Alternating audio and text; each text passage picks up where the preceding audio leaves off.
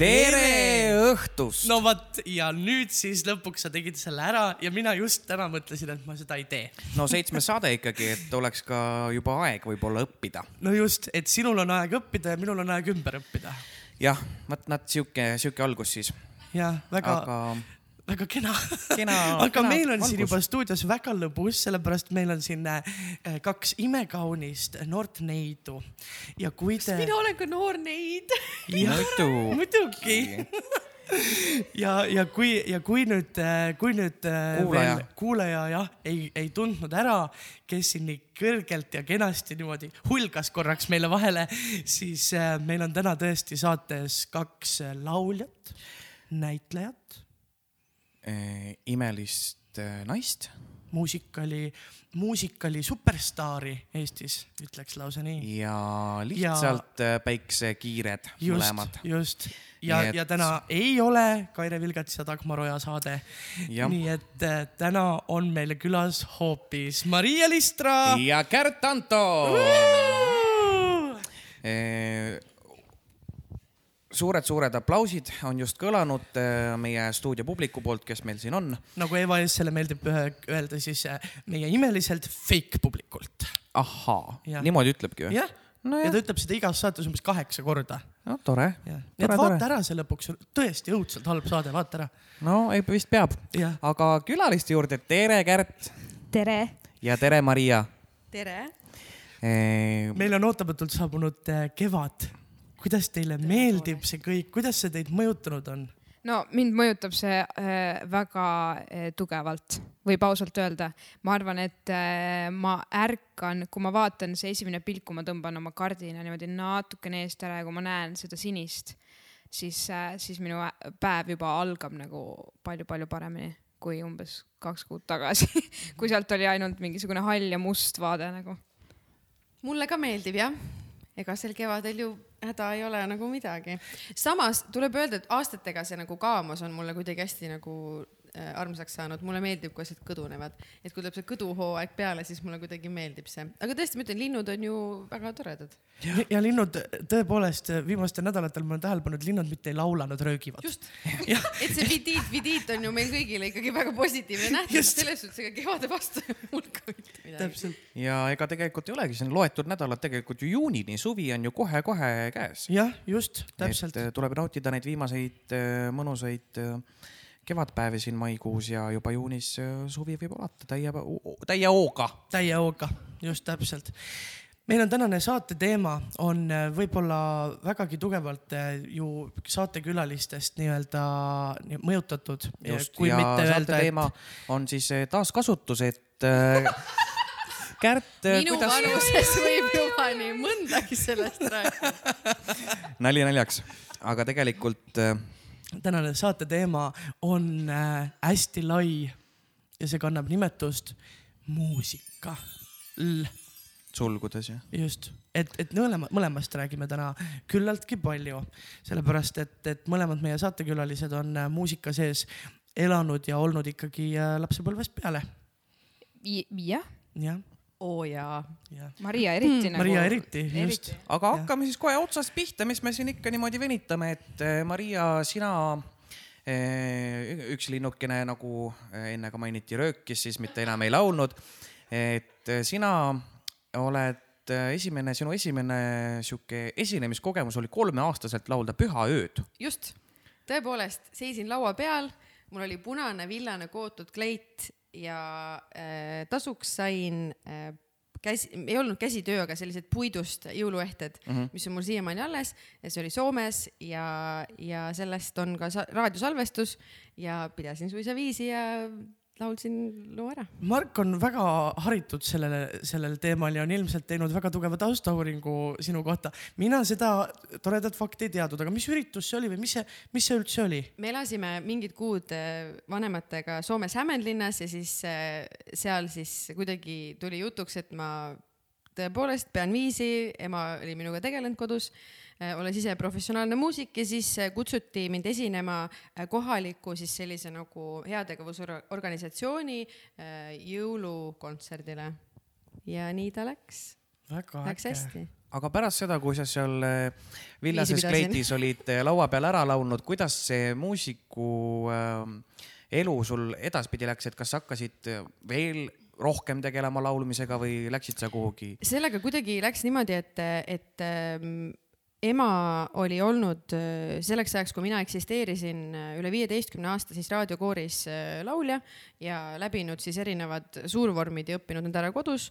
Ja mina kasvasin üles suuresti klaveri all, kuulates siis kas Tormist või Beethovenit või Mozarti või Tobiast, et ja siis kuidagi ilmnes ka see, et ma tõesti olin seal villases kleidis laulnud ja pidasin viisiga edasi ja siis tuli juba laulukarussell, kuhu tegelikult ei olnud see nagu minu vanemate idee, et mind saata, vaid hoopis minu tädi oli see, kes emale ütles, et aga kuule, et ja mulle väga meeldis esineda, mul ei olnud sellega probleemi ja siis see kuidagi mingid asjad lihtsalt juhtusid, et ma olen ise tagantjärgi nagu mõelnud, et kuidas tegelikult ähm, mingid asjad nagu järgnesid teineteisele, aga kuidagi lihtsalt juhtus, mingid asjad juhtusid ähm, teineteise järjestikku ja kõigile saatekuulajatele siis praegult natuke selgituseks, et äh, Maria Liistre tegelikult ikkagi elas nagu majas, et ta ei elanud klaveri all, lihtsalt proovides ta oli klaveri all ja kuulas seal proovides muusikat. kodus oli, kodus oli klaver, see oli elutoas oo, Õismäel kodus? elutoas, klaver Aa, oli sa elasid kodus. ikkagi siis ma klaveri elasin all? Õismäel ja. Õismäel omakorda klaveri all. selge. mulle meeldis seal olla, ma mahtusin sinna ära. väga me kõik ju äge. teame seda kirjanduslikku tegelast, see Ahju Alune. just, ma olin klaveri all. klaveri alune. Maria Lister oli klaveri alune nii. et ja, ja, ja kõik ei, kui lapsevanemad, raadiokoori proovis oleks keegi kuskil klaveri all olnud, siis oleks lihtsalt välja. Seal pidi olema, oli lastel oli nurgas laud, kes häält tegi välja.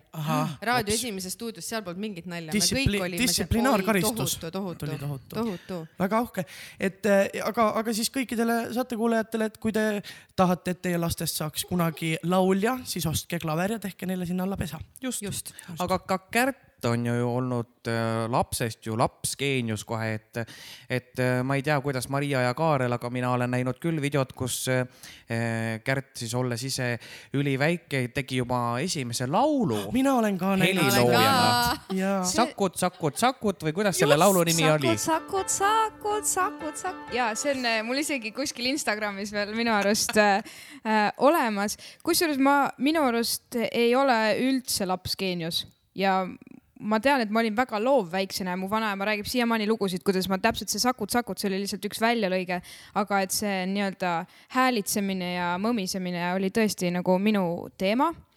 aga ja see peale lõppes väga hea bjändiga.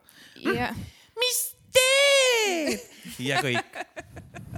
super laul.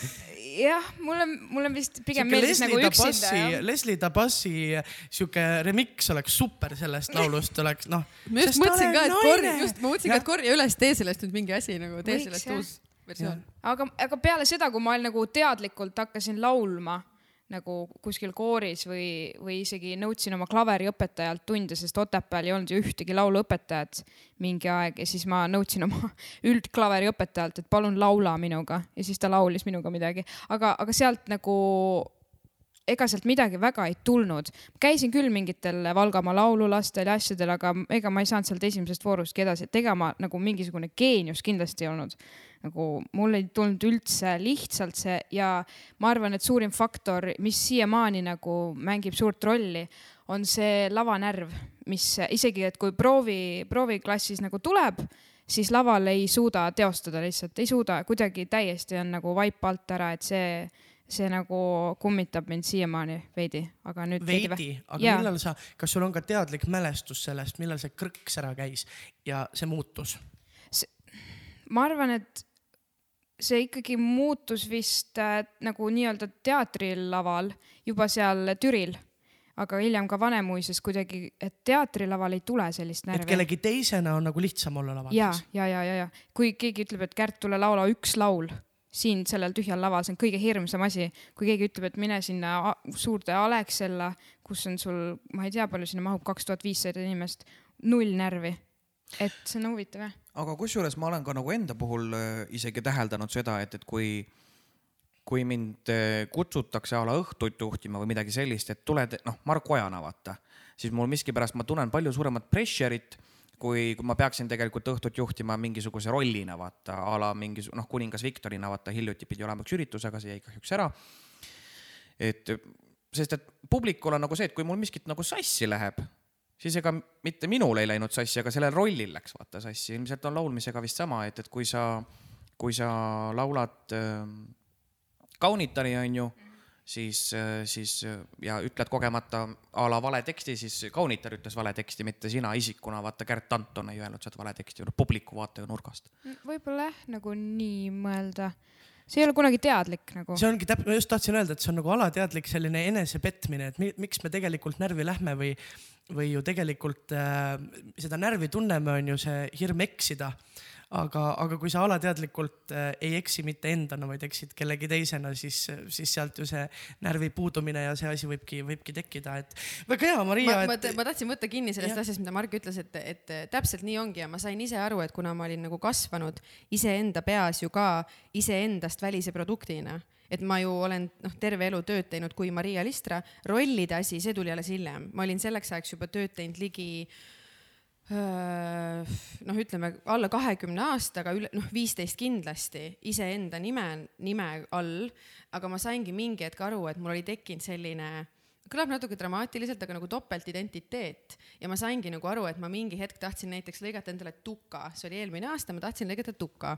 ja siis mul tekkis konflikt, olles siis kolmkümmend üks aastat vana, no inimene, noh ma, seepärast ma naersingi enne, et neiud on, neiud on kohal, onju, et siis ma tunnen. mina, mina ütleks küll päevagi rohkem kui seitseteist. jah.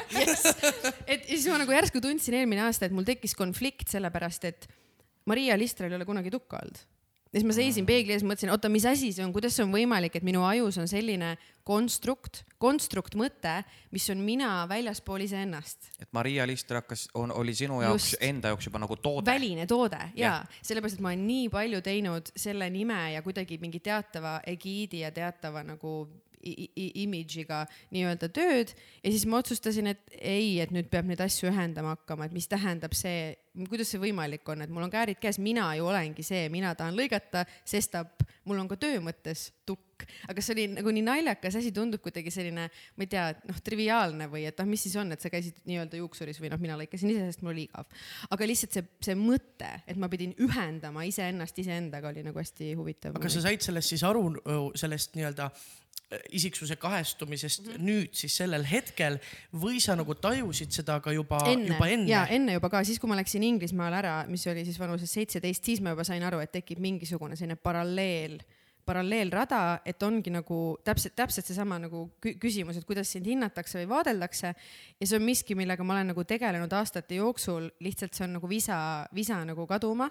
Äh, kui enamus tööd on iseenda nime all, mitte siis läbi rollide ja, ja ma tean, et noh, ma olen rääkinud Hanna-Liinaga sellest, ma olen rääkinud no aastate jooksul tegelikult Koit on maininud samasuguseid asju, et inimesed, kes on nagu iseendana see asi, mida sa näitad, et mingi hetk tekib seal see küsimus, et oota, aga kes on roolis tegelikult nagu, kes, kes, kes on, kes on roolis, kes teeb valikuid. et äh, aga see on jah huvitav, see oli huvitav moment mu jaoks, et äh, noh, tuka ma lõikasin ja elu läks edasi. Oleks ma teadnud, oleks ma teadnud, ma oleks terve saate endale ka tukka lõiganud just, jah, seda ka. Kaarel muretseb lihtsalt kõik, et kõik teavad teda selle krunniga, et, et aga tegelikult ammu aastaid tahab tukka lõigata endale juba. täpselt, just, just kujutate mind ette tukana või? siis ma võtan veel prillid ka ära, siis ma saan olla hoopis keegi teine. täpselt. aga Kärt, sa tõid enne välja selle klaveriõpetaja, siit küsimus, et kumb siis tuli su ellu enne, kas pillimäng või laul? oi, kindlasti pillimäng viiul oli siis kuueaastaselt, võtsin kätte ja siis ja olin ikkagi viiulis, ma olin täitsa päris, täitsa kobe, võiks kas öelda. kas, kas sulle meeldis viiul? ja meeldis mingi hetkeni väga, siis oli mingi raske hetk seal kaheteist-kolmeteistaastaselt, kui terve muu maailm tundus palju huvitavam, kui äh, klassis üksinda seda viiulit kääksutada. aga, aga kui ma sellest ka nagu lõpuks üle sain enam-vähem siis, äh, siis nagu mulle ikkagi lõpuks meeldis. ja noh, meeldis siis ka, kui ikkagi lähed konkursile või kuskile, et siis ikkagi ma sain mingeid kohti ja eriauhindu, et ma Nii nagu ikka tõmbasin seda. läks sul ikkagi paremini kui laulukonkursitel? jaa, kõvasti, kõvasti, sellepärast oli ka ema väga äh, kahtleval seisukohal, kui ma ütlesin, et ei, minust saab nüüd laulja ja siis ta ütles, et oot, mis asja, et lähme ikka selle viiuliga nüüd edasi. sa võtsid äh, viiuli kätte kuueaastaselt, millal sa ta ära panid käest? No ega ma ei ole teda siiamaani tegelikult ära pannud käest, et ma vahepeal ikka ju mängin äh, mingeid äh, asju. Ühes väikses bändis mängisin vahepeal ja, ja, ja ülikoolis mängisin ka, aga nüüd ma arvan juba noh, nii neli-viis aastat on ta mul pigem nagu seisnud ja, aga ma ei müü teda kindlasti maha, et ta jääb mul nüüd äh, ootama oma hetke. et kui ma, kui selles mõttes, et kui, kui ma nüüd üks päev ütleksin, et Kärt Kallis, et mul tuleb üks esinemine ja mul oleks väga vaja üks viiulisoolo teha, siis sa oled praegusel hetkel ikkagi veel nagu vormis, et seda teha. E, ja vorm on nagu nii ja naa, et mingid lihtsamad asjad ma mängin ära, aga teine asi jälle, kuna ma ei ole sellega nüüd viimased aastaid pole nüüd esinenud, et siis, kui jälle on lava peale minek, siis võib jälle nagu see vaip võib minna, väga kihvt. jah. mis aastal teil see tuur oli, kus sa mängisid? see oli kaks tuhat üheksateist see oli nüüd see Victor Crowni. Viktoriga jah, seal ma mängisin küll viiulit jah. väga äge. vot mina ei jõudnud sellele kontserdile, kas sa jõudsid, Mark? Ei jõudnud jah, kas tegite Tallinnas üldse või? ja oli kaks kontserti. mul oli vist oli sees, et kui nad olid Tallinnas, siis äh, ma vist olin tööl, sul on väga head vabandused, mul ei ole ühtegi aga, aga aga ei siis, kui ma lõpuks jõudnud. tulin lõpuks laevalt maha, siis, siis minu meelest nad olid kuskil Viljandis, ma isegi veel korraks mõtlesin, et no kas läheks. Ja siis ei läinud ikkagi, et tol, toona tundus kuidagi see Viljandi kaugel ja keset talve ja E-, ega ma seda lõpeb, hilja ja ega ma seda koju ja isiklikult ei võta, kui mu, kui mu sõbrad ja isegi pere ju ei jõua ka käia igal pool sind kogu aeg vaatamas, et ma, see ei ole minu jaoks. jah, sa teed liiga palju, tee natuke vähem, siis me jõuame sind ka näha. jah, väga hea oleks, kokkuvõte. oleks tore, onju. aga Kärt käksutas viiulit. mis sa, mis sina, Maria, tegid? mina mängisin klaverit ka väga varajasest noorusest, olin ka kuus. millal sa hakkasid klaverit mängima? no Viiul oli kuus., viiul oli kuus, klaver tuli klaver tuli üldklaver jah, Okei. mingi kaheksa-üheksa kuskil. mul oli klaver oli esimene instrument ja siis hakkasin flööti ka mängima. vabandust, mina nüüd äh, muusikavõõra inimesena täiesti küsin, et mis vahe on klaveril ja üldklaveril? Üldklaver on natuke selline üldisem. üldisem, et, et eks seal, rongisõit ja sa õpid selle abc nagu selgeks et kuidas näpud sinna käivad ja siis mängid lihtsamaid luge-, lugusid ja võib-olla mingeid saateid ka õpid natukene. võib-olla räägin sulle, kuidas minul oli üldklaver, siis sa saad aru, mis see üldklaver ma on. olen kuulnud väga huvitavaid lugusid, kuidas sa mm, kitarri õppisid. ära me sellest räägi, jah, ma oleks pidanud enne kitarri õppima ära hiina keele, siis ma oleks osanud ka kitarri mängida. minu ki- kitarriõpetaja oli nimelt hiinlane ja meil tekkis nii tugev keelebarjäär, et ma pidin teisel aastal ära lõpetama, sest ma ei suutnud temaga rääkida ei eesti, ei inglise ega hiina keeles. ja ühesõnaga see selleks, aga klaveriga oli minul sihuke tore asi, et äh, akordionit mina vihkasin, klaverit mina armastasin äh,. aga, aga see heliredel oli üks, üks õudne tüütus ma võin öelda, et, et veel õudsam tüütus kui tavaline heliredel oli kromaatiline heliredel. Ma armastasin neid. Mhm. vabandust. mina, mina ei saanud nendega lihtsalt hakkama, ma mäletan hetke, kuidas ma hüsteeriliselt nutsin klassis, mängisin kromaatilist heliredelit ja siis peksin seda klaverikaant niimoodi vastu klaverit. sellel hetkel, kui õpetaja välja läks, karjus mu peale või ta ei karjunud ta, noh, mul oli väga tore klaveriõpetaja, sellepärast ma armastasin ka, ta oli sihuke pehme ja hella käega ja siis ta tõusis püsti ühel hetkel ja pahandas mu peale, ütles, et sa ei ole üldse kodus harjutanud, et nüüd teed kümme minutit iseseisvat tööd. Läks klassist üles, kuidas ma peksin seda seal ja nutsin hüsteeriliselt ja ega see ei hakanudki mul tulema. ja mul ei hakanud üldse tulema need mingisugused rongisõidud ja asjad ja ma sain aru, et klaver ei ole minu pill. kuni siis selle hetkeni, kui äh, kui ma käisin ühel kontserdil, Katri Hallik-Rebane on selline helilooja, kes andis välja, praeguseks vist on juba kolm raamatut, tollel hetkel tuli siis tal esimene raamat välja klaverilugudega Klaveriloomad, ma ei tea, kas te olete kuulnud. õudselt, õudselt, õudselt äge ja seal oli selline äh, äge lugu nagu laul äh, Kirp Kunnarist, kes ennast sugulase pulmasoimetuks tantsis. ja see oli tõesti, no võrreldes nende asjadega, on ju, ja pealkiri mis, aga seal olid kõik siuksed pealkirjad ja see rääkiski nagu loomadest, kes metsas elavad. ja, ja siis äh, see oli no võrreldes nende asjadega, mida ma päriselt klaveritunnis mängisin, oli ikka, no ütleme sada korda raskem on vähe öeldud, no see oli ikka teos. aga see nii tohutult meeldis mulle, et ma läksin koju ja ma arvan, et ma ikka nädal aega tegin niimoodi, et kui ma tulin koolist koju, ma istusin klaveri taha ja harjutasin nii kaua, kuni ema ütles, et aitab, et naabrid tahavad magada ja ma sain selle loo selgeks ja ma mängisin seda veel umbes kaks korda kiiremini ka kui, kui, kui see originaal oli ja, ja siis ma läksin sinna klaveritundi ja saad aru, see klaveriõpetaja, kes tegelikult oli juba veits alla andnud. ma ütlesin talle, et, et mul on tegelikult nüüd sihuke värk, et ma õppisin ise ühe loo, et kas ma võiks nagu seda klaveritunnis harjutada. siis ma mängisin selle ette see nägu oli midagi nagu, seda on, see on kirjeldamatu, mis nägu tal peas oli. no ta, ta reaalselt, see oli, no enne istus klaveri taga Mark Oja ja siis tuli Mozart, noh. täpselt sihuke võrdlus. jah. ja siis tuli, noh, lugu on ju. ta täiesti, see oli, see oli midagi nagu enneolematut ja siis ta ütleski mulle, et nojah, et tuleb, tundub, et siis sa pead hakkama mängima lugusid, mille sa ise välja valid.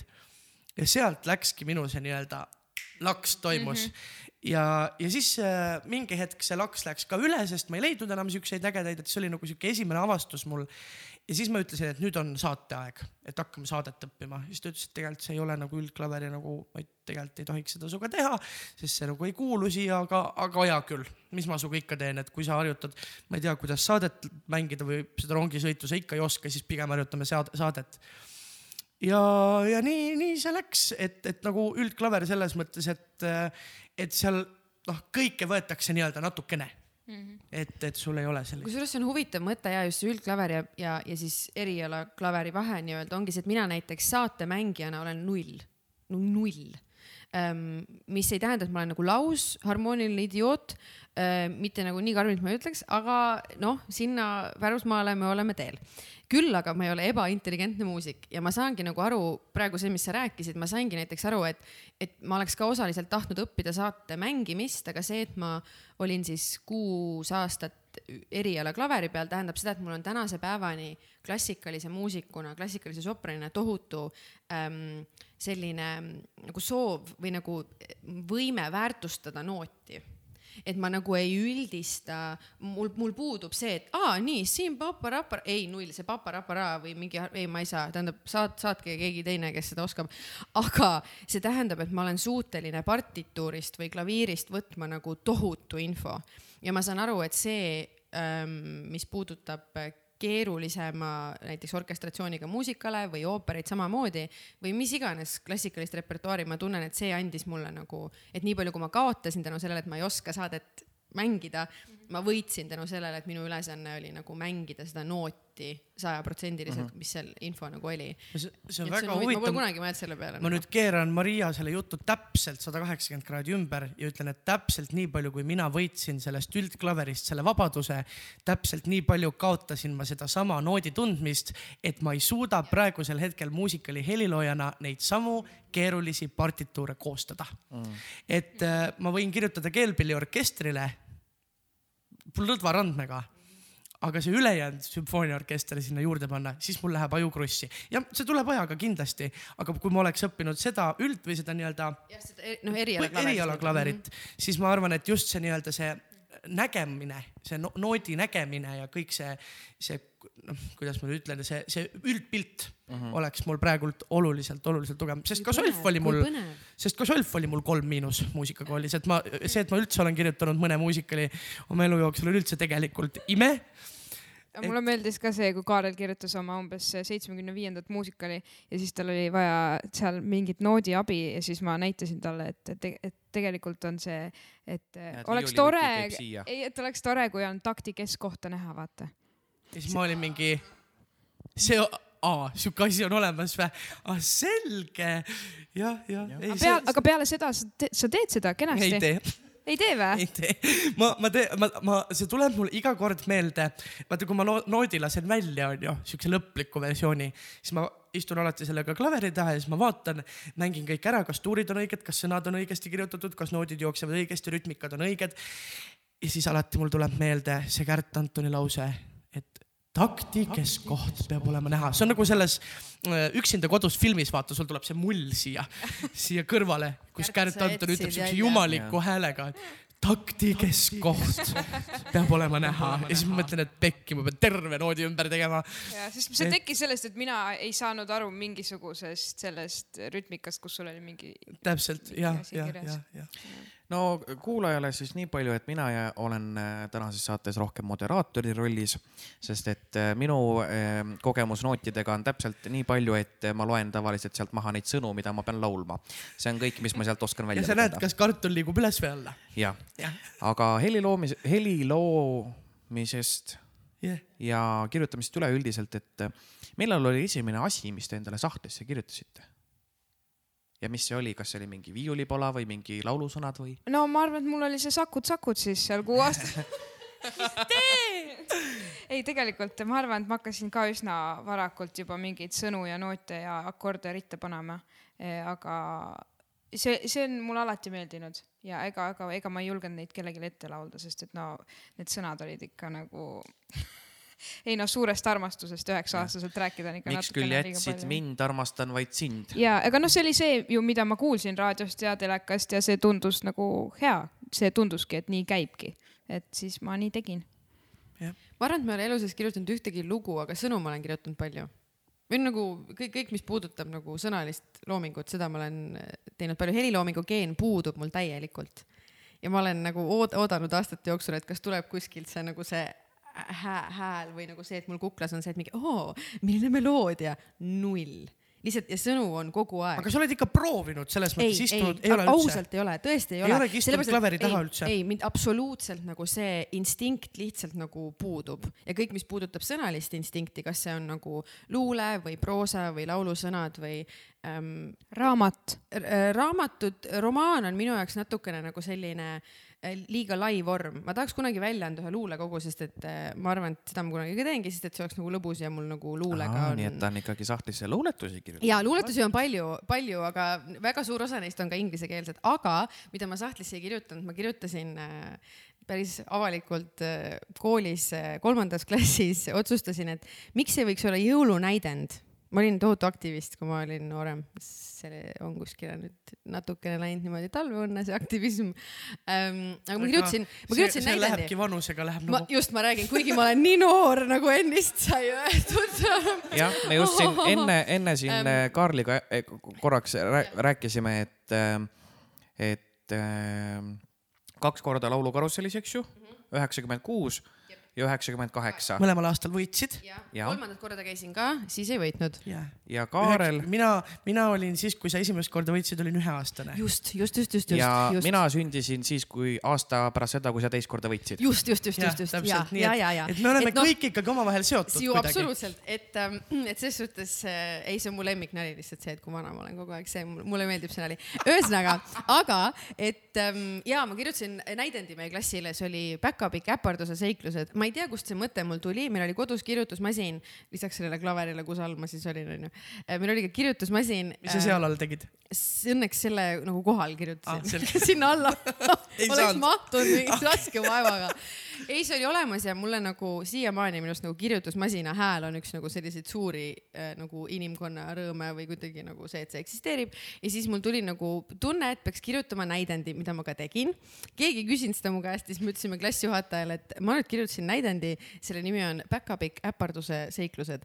Ähm, ja nagu nimi viitab, siis sellel päkapikul juhtus äpardusi äh, ja siis seal olid mingid rotid, kes mingid kingid ära varastasid ja see kõik oli üpriski dramaatiline, aga ma kirjutasin selle niimoodi, et seal oli igale klassikaaslasele roll. Ähm, ma kirjutasin ennast ka mingiks kõrvaliseks päkapikuks. Ähm, ütlesin emale-isale, et nii, veame nüüd kõik meie kodus olevad riided nagu kooli, need on kostüümid.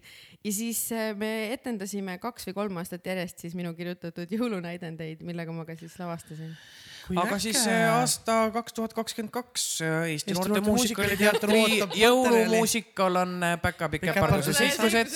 Äh, autor Maria Listra, muusikaautor Gert Anton, lavastaja Karl Orumägi ja mina olen siis Päkapikk. ja sa mängid, mängid mingit, sul on ikka mõni vana, vana selline kibestunud vanamees, kibestunud vanamees Päkapikk ka. leiab, leiab, leiab. leiab, saab Neid ka juurde alati. kirjutada alati. Neid oli alati, et ühesõnaga, see on nagu minu see sahtlisse kirjutamine, et mul puudus nagu muusikalise loomingu instinkt ja, ja ma olen Kärdi käest tegelikult, me oleme kunagi rääkinud sellest ka ma mäletan, ma küsisin su käest midagi arvatavasti kas ületute jooksul, et ühesõnaga me oleme puudutanud seda teemat nagu ka, et, et, et kui vasta-, nagu kui vastaspidised instinktid meil nagu on kohati, et, et see nagu helilooming või kõik, mis puudutab seda, on Kärdil nii loomulik, mul on see null ja mul on pigem nagu see sõnaline. Ja samamoodi see, et et kuidas Kärt kirjeldas Ha- Hanna-Elina muusikaalikoolis õpilastele, et äh, ma palusin, et sa räägiksid sellest, et kui raske sul oli jõuda lauljana siia, kus sa oled. et, et, et noh, et, et ühesõnaga, et naljakas jah, et meil on kohati nagu sellised äh, polaar, polaarsed äh, instinktid nagu. nagu vastandid tõmbuvad. õigesti, eks ole. minul, minul võib-olla ütleme, et, et, et see nii-öelda teatri või see nii-öelda ma- oma esimese näidendi, mida ma küll kirja ei pannud, aga mida ma tegin, tegin, ma arvan ka umbes kolmeaastaselt, nelja-aastaselt. ühesõnaga, minul oli selline. mina sõin kolmeaastaselt mulda näiteks. et äh, ma olin selline ka hull aktivist äh, juba, juba ikkagi sünnist peale, et, et, et äh, nii nüüd läheb korra keeruliseks. ma naeran, ei ma lihtsalt naeran seda, et ma ärkasin mulda, mina sõin äh, neid, mis need on, huulepulgad. et, et noh, ma käisin ja see oli seal laua peal, aga samas ma sõin ka huulepulki, vabandust, jätka. mulle meeldib, et sa mulda sõid, see on okei okay.. see on, see on, sealt me oleme kõik tulnud, eks ole. et äh, äh, ma olin, ma olin lasteaias selline, et ma panin kõik oma rühmakaaslased panin istuma seina äärde ja mängisin neile Nukuteatrit. Ja kõik istusid ja vaatasid ja, ja tõepoolest äh, see, et see nii-öelda isegi võib-olla ma ütlen isegi mitte näitleja geen või, või autori geen, aga siis võib-olla see teatrijuhi geen on mul küll ikkagi emapiimaga kaasa antud, ma ei tea kust kohast. aga et see, et ma tõesti paningi kõik istuma ja tegin äh, paberist tegin piletid, mida ma müüsin ja, ja, ja siis tegin seda teatrit ka veel, et, et noh, seda, seda, aga esimene nagu selline asi, mille ma kirjutasin. Äh, mul on kõik siuksed asjad tulnud nagu nii-öelda kas, kas sunniviisiliselt või nagu nii-öelda tellimustööna, et enne ma ei ole nagu selle peale mõelnud, et võiks midagi teha. Ja siis, kui keegi järsku ütleb, et aga tee, siis ma ütlen, et no aga võib-olla tõesti. oli siis äh, muusikaolümpiaad, kui ma osalesin siis põhikoolis muusikaolümpiaadil. Ja, ja ma käisin sel ajal, käisin veel Paide ühisgümnaasiumis, kui ma ei eksi ja ma läksin sealt äh, muusikaolümpiaadile ja, ja kirjutasin laulu, sest seal oli kohustuslik, et kõik peavad kirjutama omaloomingulise siis teose. ja minule see sõna teos meeldis väga, sest laul on minu arust nii labane. et äh, kui sa ikka kirjutad, siis kirjuta teos, mitte mingi lauluke. laul, lõpetage ära. ma teile hakkan laulu ja siis ma võtsingi Ernst Enno teksti Päikesele, mõtlesin, et kõige keerulisema teksti, mille ma luulekogust üldse leidsin ja kirjutasin siis teose vokaalile, klaverile ja viiulile. aga ärge naerge, jah, teate, see on uskumatu, mis juhtus, vot. ma naeran, sest see on hea no ma, räägin- see, see, see mõtestamine on oluline. jah, jah, ja mis ma olin siis sellel ajal, ma olin viisteist või? ja, ja ma läksin siis sinna muusikaolümpiaadile ja, ja ma sain, ütleme nendes voorudes, mis puudutavad muusikateooriat, sain kohutavalt vähe punkte. Ja ma võitsin siis muusikaolümpiaadil kahes kategoorias, ma võitsin omaloomingu kategoorias, kus minul oli maksimumpunktid viisteist ja teisel kohal oli üksteist koma viis. Ehk siis ma võitsin pika puuga ja siis ma võitsin laulmise kategoorias, kus mul olid maksimumpunktid viisteist ja teisel kohal oli üheksa koma millegagi. ma arvan, et sa võitsidki lihtsalt Et, puhtalt äh, sellepärast, et sul oli ikkagi teos, mitte Jah. sa ei läinud sinna laulu tegema just. ja see oligi see, et kui ma tollel hetkel, see, vaat nüüd tuleb naljakas lugu, kuidas ma istusin seal ja kuulasin nende teiste inimeste asju, kes olidki mingi klaveridega mingi. päikene on väljas, mulle meeldib liiv see, oleks olnud minu tehtud teeme laul. liivalossi. Vihmake on siin, noh stiilis midagi sellist, siis noh, mul oli ikka ülidramaatiline see selline noh, kui te vaatate seda laulu teksti, see päikesele sihuke sügavad akordid ja alt klaver pidi seda bassi peksma niimoodi ja siuksed ja see keel pilmis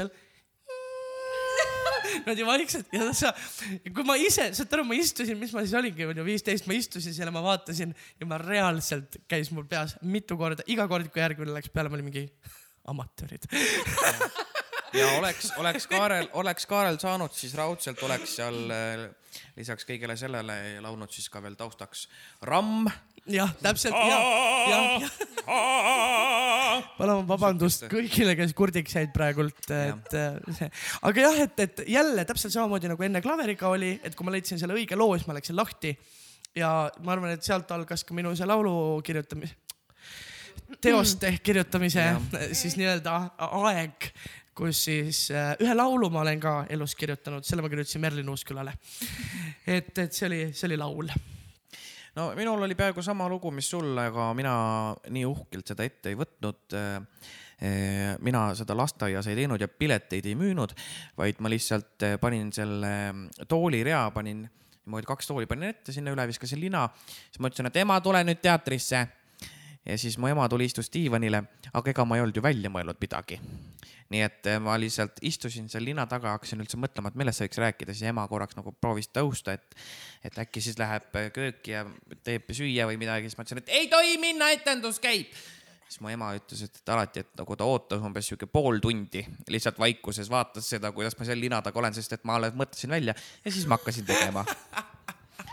väga huvitav, küsin, kas sul oli ka selline mäng? Kas sa mängisid ka nagu Mängisid lina taga viiulit? lina taga teatri mingit sellist?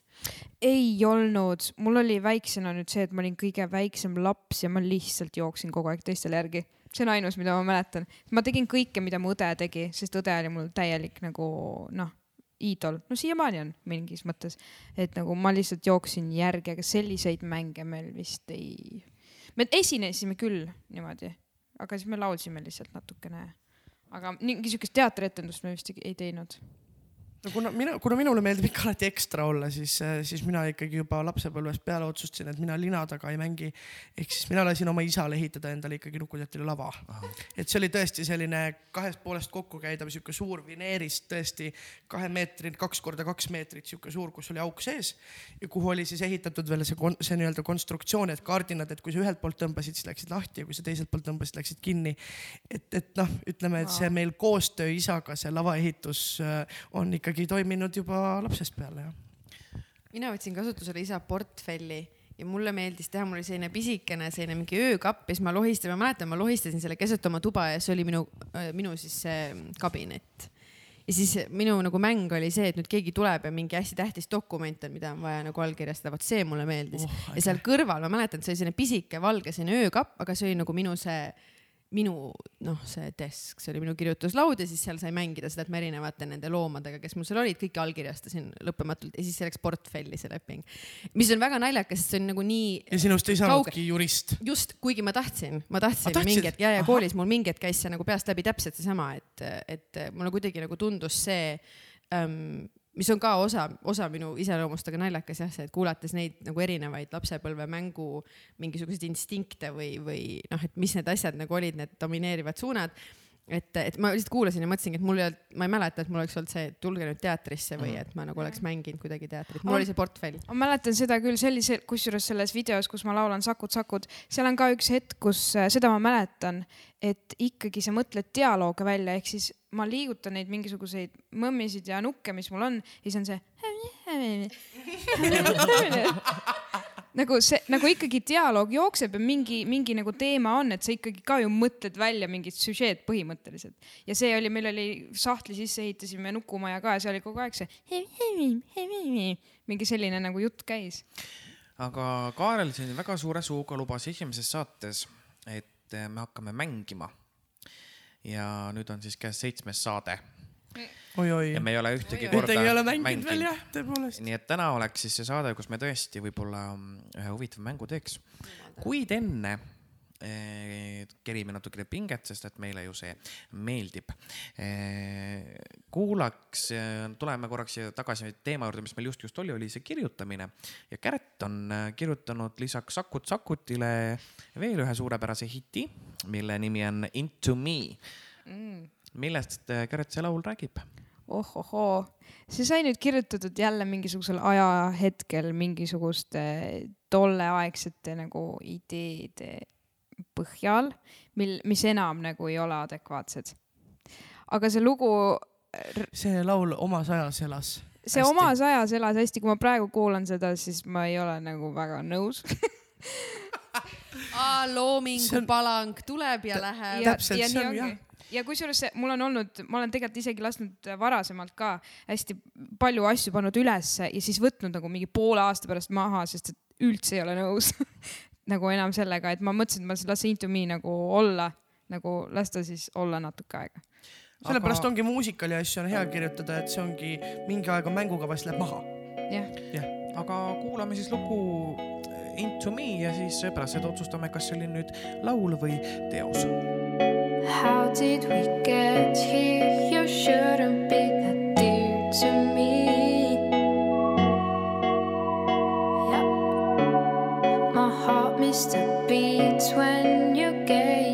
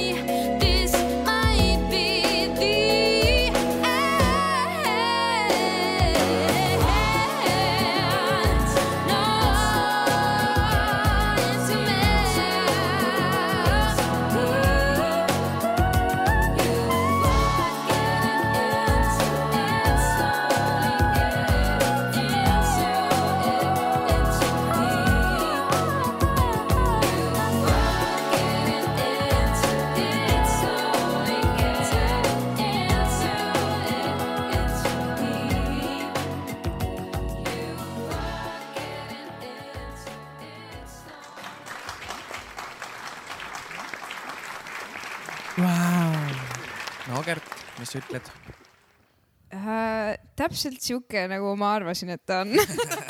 midagi pole sa veel muutunud selle. mäletasid seda lugu? ja ma olen seda vahepeal kuulanud. see pole üldse nii vana laul, kümme kuud tagasi alles. eelmine. kevad lasin selle välja. ja ei, ma selles mõttes, et produtseerimise poolest mulle nagu ta meeldib, ta on sihuke chill ja nagu lahe. teos, chill ja lahe teos. teos, ma nägin ikkagi väga palju vaeva sellega, ütleme ausalt. kas see on esimene selline päris sinu enda asi, mis sa välja lasid või? ei, ma olen lasknud varem, ma räägin, aga ma olen kustutanud ära kustutanud. aa, selles mõttes, aga ma mõtlen, et, et selles mõttes isegi sa oled, Spotify's oli mingi asi, üks.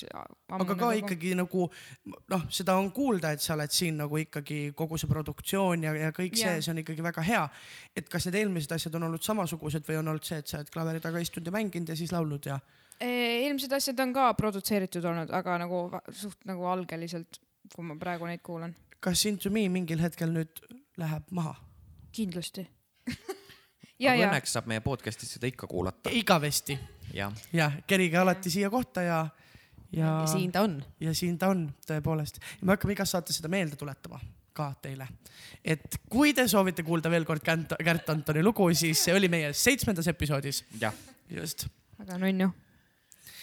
me jõuame nüüd vaikselt äh, sealt lapsepõlvest edasi. Ja me hakkame jõudma siis selle meie saate nii-öelda põhiteemani, milleks on siis äh, muusikal. mis hetkel äh, teie ellu tuli muusikal? kaks tuhat neliteist oli see suvelõõm või? Mhm. jah, kaks tuhat neliteist, täiesti ootamatult. kusjuures, kui ma sõitsin siia, siis ma mõtlesin selle peale ka, et kui ma ei oleks sellele casting ule tulnud täiesti juhuslikult näinud seda seal ühe kultuurikeskuse või mingi asutuse seina peal seda plakatit, et toimub casting, siis nagu ei tea, kas nagu oleks üldse ühtegi muusikali teinud oma elus. et nii naljakas, et sellest ühest väiksest nagu aga räägi see lugu, see on nii tore lugu. käisin äh, Tartus laulmas äh, ühes stuudios Fa diesis, jah, ja siis seal oli seina peal, ma ei tea, kuidas see plakat sinna sattus, see oli siuke infotahvel ja siis seal oli plakat, et äh, on La äh, Fadiesi see juht Ingrid Otti. Ingrid Otti on meie väga hea sõber, minu väga hea Aa, sõber. me käime alati see. Ingridiga suitsetamas äh, lauluvõistluste ajal koos. ühesõnaga, seal oli infotahvlil see väike plakat üleval, siuke A4 ja siis ma pidin kohe nagu nägin ja tundus nagu tore ja vahva ja siis ma ütlesin oma sõbrannale, et kuule, et lähme. Siis ta, noh, lähme siis, ega seal rohkem nagu mingit suurt diskussiooni või mingeid mõtteid nagu ei olnudki, et lihtsalt lähme, vaatame, mis seal on ja suvel ka ju lahe ju mingi laager ja tundub põnev ja siis äh, mingi päev enne siis mu sõbranna jäi haigeks või ma ei mäleta, mis tal oli, ta ei saanud tulla ja siis mul oli veel nii fifty-fifty, et kas ma sõidan sinna Türile, pole elu sees Türil käinud, et kui ma sõidan Mis koht see on? pommiauk. Kesk-Eestis pole kunagi käinud. Ja siis äh, sõitsin bussiga ja tegin oma õudse casting'u jälle ära, mäletan üldse ei osanud laulda seal, midagi ei osanud see oli teha. päriselt õudne, see oli tõesti kohutav, ei ma tegelikult teen nalja. ei, see, Kärt ise ütleb, et see oli väga õudne, ma ei mäleta seda. see oli nii õudne, et ma jäin joone alla. jah, Kärt oli tõepoolest, vot see, seda ma unustasin ära, Kärt Jah. ei saanud ju truppi. ma ei saanud truppi. kunagi, kunagi, kui me vaatasime, see suvelõmm on vist korraks ka avalikult olnud äh, inimestele nagu nähtaval ja vist. seda näidati kaks tuhat seitseteist libahundi ajal jah. ja kui kunagi me seda vaatasime, siis Libahundis Kärt juba mängis ju peaosa Tiinat aastal kaks tuhat seitseteist.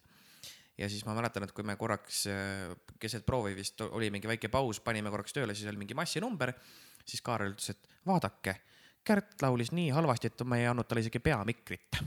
ja, just, ja Kärt oli kõige viimases reas, ja tõesti. ma olin jah, päris mit-, enamus tantsudes ma olin kõige taga ja, ja ega noh, ma saingi ju lihtsalt, keegi vist ütles eest ära või kuidagi. kusjuures eest ära ütles üks äh, praeguseks hetkeks väga tuntud naisnäitleja Eestis, kes, kes teeb tõesti nii sarjades kui teatrites rolle. tema tollel hetkel, temal juhtus üks perekondlik intsident ja ta ei saanud seda teha, tollel ajal ei olnud ta üldse kuidagi teatriga veel selles mõttes professionaalselt seotud. Aga jah, tal tekkis perekondlik intsident ja ta ütles ära ja Kärt minu teada sai ikkagi suhteliselt hilja teada sellest, et ta on ikkagi truppi võetud umbes nädal enne. ma ei mäleta, kuidagi nii jah. ja siis oligi, sealt edasi tulid juba need järgmised Eesti noortemuusikali need tükid, siis juba vist nagu võitsin usaldust või ma ei, ma ei tea, mis juhtus. et ma sain paremaid, laulma ma. hakkasin laulma Jah. vist jah. Ma ütleks, et kolm, vabandust, siis kolm aastat hiljem me saime Vanemuises kokku ja Kärt laulis lihtsalt niimoodi provisaalselt, kõigil oli suu ammuline Vot-. täiesti uskumatu on kuulata seda. vaat see ongi, see on see üks asi, mida mina olen näiteks väga paljudele oma õpilastele rääkinud, et äh, mul on üks sõbranna, kes äh, oli äh, tugevalt keskpärane, kui ma temaga tuttavaks sain ja kuidas andekus mängib nii väikest rolli töökuse kõrval. Et kuidas inimene, kes, kes lihtsalt ühel hetkel tundis, et nüüd pean ma ennast kokku võtma ja hakkas tööd tegema, sest mina, kes ma ju nägin Kärti alates kahe tuhande neljateistkümnendast aastast, olen näinud ikkagi noh, kuus korra vähemalt mm. -hmm. kuidas ma olen näinud seda arengut kõrvalt, mil- nagu ja, ja mitte nagu sammudega, vaid nagu langevarjuhüpetega nagu. aa okei, aga mis sa Kärdi kohta ütlesid? mis asja, kellest ma rääkisin? Ei midagi ah., okei okay., lähme edasi. jaa, okei see oli nalja, see oli pikk selge, nalja. ma ei saanud, mul, mul korraks, ma läksin nii sisse sellesse teemasse, et, et tõesti, see on nagu, see on nagu minu jaoks nagu üks, üks kõige suuremaid nii-öelda edulugusid, mida ma kõrvalt olen näinud. et, et kuidas, et, et ma ütleks, et veel, veel teine pool ei ole mitte ainult laulmine, vaid on ka näitlemine. Et kuidas tegelikult Suvelõõmas ja veel ka Hammasratastes oli näha, et Kärt oli nagu näitlemise poolest mitte nii nagu kindel iseendas ja, ja mitte halb, vaid kinni et on näha seda, et ei mm, -hmm. ei saa nagu midagi teha No. muidugi Hammasratastes said sa väga ägeda rolli, sa mängisid äh, kõige ilusam tüdruk trupis mängis kõige koletamat vanaeitte. ja, ja vot seda tegi Kärt ägedalt ja ma nägin seda, et kui Kärt saab olla see vanamutt, siis sealt tuli tuld ja tõrva mm. -hmm ja, ja et kuidas see ka näitlemise pool on läinud nagu nii lahti, et, et sa oled ilmselt lasknud lahti mingisugusest. see isegi, ma arvan, et see on see Vanemuisel, Vanemuises, kes meid lavastas, Samuel Harjanne.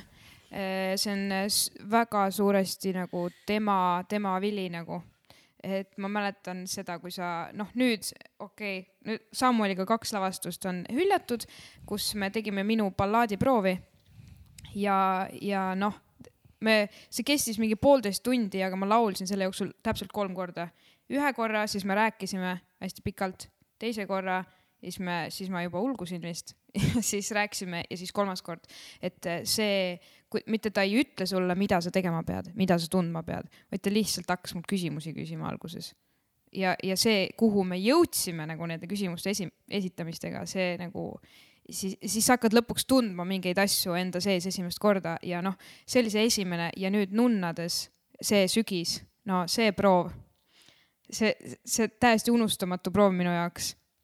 Ma ma läksin sinna ruumi sisse, ma juba teadsin, et see tuleb selline proov, sest mul oli see ju selle hüljatutega täpselt sama, see niimoodi üks-ühele, aga lisaks minul oli seekord proovis ka veel noh, seal on see eh, dirigent, seal on kontsertmeister, siis seal oli minu dublant veel ja understudy ja kõik, kes seal olid, päris palju rahvast tegelikult lõpuks. ja ma laulsin niimoodi, et vaat kõõksun nutta üritan saada lauluhäält enda seast kätte, aga nutt tuleb niimoodi peale, et see lõpuks ma nagu nutsin, karjusin laulda neid noote nagu.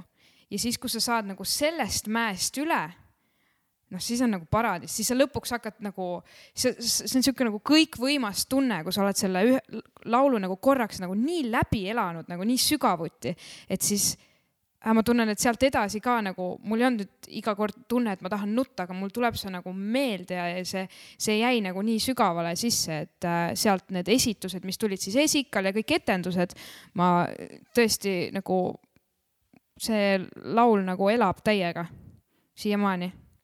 et, et Samuel oskab väga hästi teha minuga tööd. Maria, millal sinul esimene muusikali kogemus oli? Mina olin üksteist ja siis äh, Georg Malvius tegi Linnahallis äh, hüljatuid ja oli väikest kosetti vaja. ma ei mäleta sellest äh, auditioni, ma ei mäleta midagi sellest. ma, ma ei mäleta seda vestlust või ma ei tea, kuidas see juhtus, keegi ju siis rääkis emaga ähm,. minu arust oli see vist isegi Maiken ehk siis Kadri Koppel, kes rääkis minu emaga kuskil pärast mingit esinemist, ütles, et kuulge, et aga tulge laulge ette. ettelaulmist ma ei mäleta, sest et ma läksin lihtsalt noh, laulma või noh, ma ähm, mis tolleks ajaks oli nii noh, no minu jaoks väga normaalne vist ähm,. ja ma isegi ei mäleta, kus see oli, aga ma mäletan meie esimest proovi raadio esimeses stuudios, kus oli see esimene läbilaulmine siis nii-öelda äh,. seda ma mäletan ja siis sealt edasi, noh, see protsess oli hästi vaimustav ja see, et mul olid kolleegid seal, inimesed, kellega ma nüüdseks olen kas väga lähedane sõber või olen tuuril käinud või, või tööd teinud koos, et noh, seal olid ju kõik, seal oli Hanna-Liina, kes mängis siis suurt kosetti mm. -hmm. et see on nagu lihtsalt noh, uskumatu, et pärast kõiki neid aastaid me noh, et selles suhtes me oleme nüüd nii lähedased ja, ja ma olen ta koolis õpetanud nüüd äh, praegu see viies hooaeg läbi, et ähm, et mina olin väike kossett, tema oli suur kossett, seal oli siis ka Lauri Liiv, Kaire Vilgats, Oliver Kuusik, Marko Matvere, Jassi Zaharov, kas see oli see versioon, kus Kare mängis seda? jaa, just minu ema, just. ja ma istusin siis tema voodi all, ootasin, kuni surm tuleb ja siis läksin põrandat pühkima, no et see oli minu ülesanne, onju. see oli väga-väga kihvt, kogu see protsess oli kihvt ja, ja kuidagi, aga sealt jäi suur paus, hästi pikk paus jäi et jällegi mulle meeldis seal see teatri element, aga ma nagu ei, minus ei tekkinud seda mingisugust sidet tol hetkel muusikaliga. küll mulle meeldis teha seda, seepärast see oli teater, ma sain olla teatris ja seal oli lavastaja ja seal oli publik ja see oli teater. tagantjärgi on naljakas mõelda, et ma ei mäleta seda, mis tunne oli, et neli tuhat inimest on saalis, sest linnahall oli põhimõtteliselt täis müüdud iga õhtu, mis on pöörane praegu mõelda, mis tegelikult noh, ongi, et Alexela on kaks pool ja see juba tundub nagu väga-väga suur ma mäletan, et mul oli vaja teha koolis mingit kudumisprojekti või midagi. ja linna oli need noh, külm ja natuke rõske ja pikad proovid ja siis järjest kõik hakkasid küsima mu käest vardaid Äh, tuli Kaire tuli ja Lauri tuli ja siis aastaid hiljem, kui me saime kokku juba mingis projektis, nii et mina olin täiskasvanud inimene, siis neil kõik no,. Sina olid seal selle väikse korvikesega, seal kudusid, sul olid ju need lõngad ju. et see oli nii tore, et nende jaoks oli see nagu kandev mälestus. Ja seal Eegelvardad, mul oli selline suur korv kaasas, sest ma lihtsalt istusin seal jalg üle põlve ja kudusin, sest noh, mul oli vaja šokk valmis saada, onju. Ja siis lihtsalt see, et nad kõik järjest tulid ja siis ma andsin seal lõngajuppe ja Eegelvardaid, et ühesõnaga, et mulle kuidagi jättis see tugeva tunde just sellepärast, et mind võeti nagu võrdsena. aga mul läks pikki aastaid äh, aega, enne kui muusikal mind uuesti üles leidis ja see oli ülikoolis juba. ja aga suure, ometigi just ma tahtsingi välja tuua, et, et teatripisik ikkagi on, sest nüüd ma pean selle nime ikkagi ette lugema siit märkmetest, et, et sa oled ju lõpetanud Londoni ülikooli mm -hmm. Royal Holloway College. Just. draama ja teatri eri- erialal just. absoluutselt, mul lauljana on lihtsalt kandev entusiasm ja head õpetajad vahepeal, aga paberit mul ei ole. paber on mul teatrialal.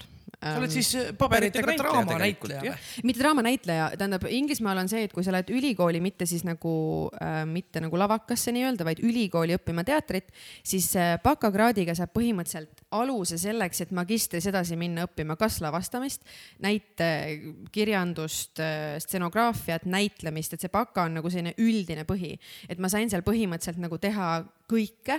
ma olin enamikes meie projektides äh, dramaturg ähm, see kirjutamise asi nagu väga Inglismaal ei väljendunud küll, aga nagu see, et dramaturgia ma tegin valgusdisaini ühe korra, tegin kostüümidisaini mingile etendusele, et, et see andis mulle nagu hästi laia baasi.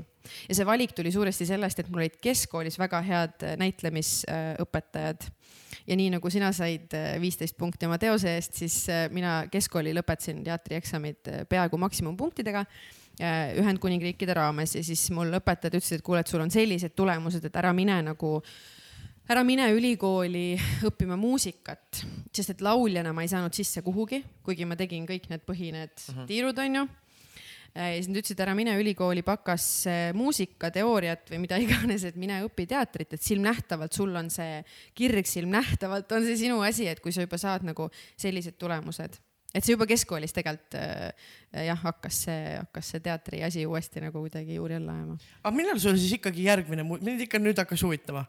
kui sul oli üheteistaastaselt oli esimene, millal, mis pikk see paus. järgmine teine oli sul siis, siis oli tükk ikkagi? tühja, siis äh, keskkoolis äh, me tegime, keskkoolis ma tegin ühes ooperis kaasa, me tegime võluflööti. Ja siis me Eh, mis keskkoolis, see oli siis nüüd? Inglismaal juba. Inglismaal, just., Inglismaal, sest et äh, seal meil oli juba oma teatrikeskus, kus me saime lavastada mingeid asju, normaalne black box ja noh, et seal sai teha asju. keda sa mängisid? vabandust, nüüd tuli meelde vastus. ma mängisin esimest daami, kes on siis selle öökuninganna see jah. jünger. sõbranje. sõbranna ähm,. Äh, ja saab, esimene daam saab ka öelda minu ühe lemmiklause ooperis, mis on Sie kommt, kui hakkab tulema öökuninganna, nagu mulle nii meeldib, see kuulutaja oli Sie kommt ja siis kõik Sie kommt, Sie kommt ja siis ta tuleb kohale. väga ja ma ei tea, miks see on nii tore nagu, et ei ole see, et ta lihtsalt tuleb ja on boss, vaid et noh, enne need jüngrid ütlevad Sie kommt ja siis noh, tead Jah. Äh, näpud on risti sellepärast, et mul tuli meelde, mis esimene asi ikkagi oli pärast seda. ma pole mõelnud selle peale, see oli Jesus Christ Superstar, mida me tegime keskkooli teisel aastal. ja ma olin Juudas, mis oli väga lahe, sest Juudas tegelikult on meeste roll. ja see oli nii mina tean äh, mõnda inimest, kellel on Juudas äh, unistuste roll, nii et äh, tervitame siinkohal teda, kui ta ennast ära tundis praegu. aga unistuste rollist sa oled, Maria, öelnud oota, oota, meedias. oota, oota, ma ikkagi ei saanud oma vastust küsimusele, millal sul siis Vanemuises või kuskil esimene muusikaliroll oli? aa, ei, aga Eestis mõtlengi, et tagasi. aa, Eestis tagasi juba või? Sellele keskkooli Jesus Christile järgnes ülikoolis äh, Sondheimi Into the Woods, kus ma sain nõid olla, mis oli ka wow. lihtsalt kõige rohkem rõõmu üldse vist laval kunagi ähm,. ja siis ähm,, kas me tegime midagi veel, me tegime Figaro pulma, see oli juba ooperi asi mm. -hmm ja siis äh, oligi niimoodi, et äh, minu sõbranna oli kuulnud äh, raadiointervjuud Tarmo Leinatammega, kes äh, ütles siis, et kui Eestisse tuleb Fantoom ja tuleb, et siis Kristiinid on Hanna-Liina Võsa ja Maria Listra. siis sõbranna helistas mulle Inglismaale, ütles, et kuule, et lahe ju. ma ütlesin, mis asi, mul polnud õrna aimugi, et üldse see projekt tuleb, mul polnud õrna aimugi, et, et mind selleks äh, kuidagi nagu noh, et keegi üldse nagu minu nime on nii-öelda mütsi pannud nagu selles teemas. kas see oli Tarmol mingi sihuke sõnakõlks lihtsalt kuskil intervjuus, et tema tahaks seda või, või see oli juba otsustatud? ei, aga tema, tema oli väga kindel, et nii on, kuigi me Ahah. polnud rääkinud omavahel. ma, ma, ma kunagi olin äh, Tarmoga koos ähm, ähm, mingisuguses laulukarusselli žüriis või midagi sellist ja ma võisin vist olla üheksateist või kakskümmend ja siis ta küsis mu käest, et kuule, mis su hääle ulatus on ja ma sain kohe aru, millest ta räägib, sellepärast et Kristiinil on vaja seda surematut viibemolli onju. ja siis ma ütlesin talle, et, et kui jutt, et kui vaja on viibemolli, et saab hakkama ja siis Tarmo hakkas naerma, ma ütlesin mm. -hmm. aga keegi rohkem, me ei rääkinud rohkem midagi sellest, aga ma sain aru, millest ta räägib, kui ta küsis mu käest, mis su hääleulatus on mm. -hmm. ja siis oli lihtsalt paar aastat tühja ja siis äh, sealt tuligi nagu.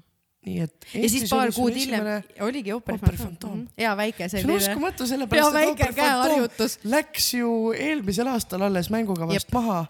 jep, Ja- ja ma, see tuli välja kaks tuhat neliteist ja see oli suuresti põhjus, miks Ka- ma Eestisse. ongi nii ja, või? ja, Oh ja see on suuresti põhjus, miks ma Eestisse ka tagasi kolisin, sest et ma teadsin, et mul on siin midagi, mis mind nagu äh, ootab ja mingi hetk ma sain elus aru, et äh, selline mõte nagu go where you are wanted on nagu teema.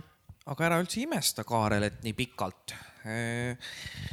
Estonia Traviata versioon on, kui ma ei eksi, aastast üheksakümmend neli ja siiamaani mängukavas. ja, ja, ja just tahtsin öelda, et, et sa oled meedias öelnud, et sinu unistuste roll on laulda Traviatas Violetat.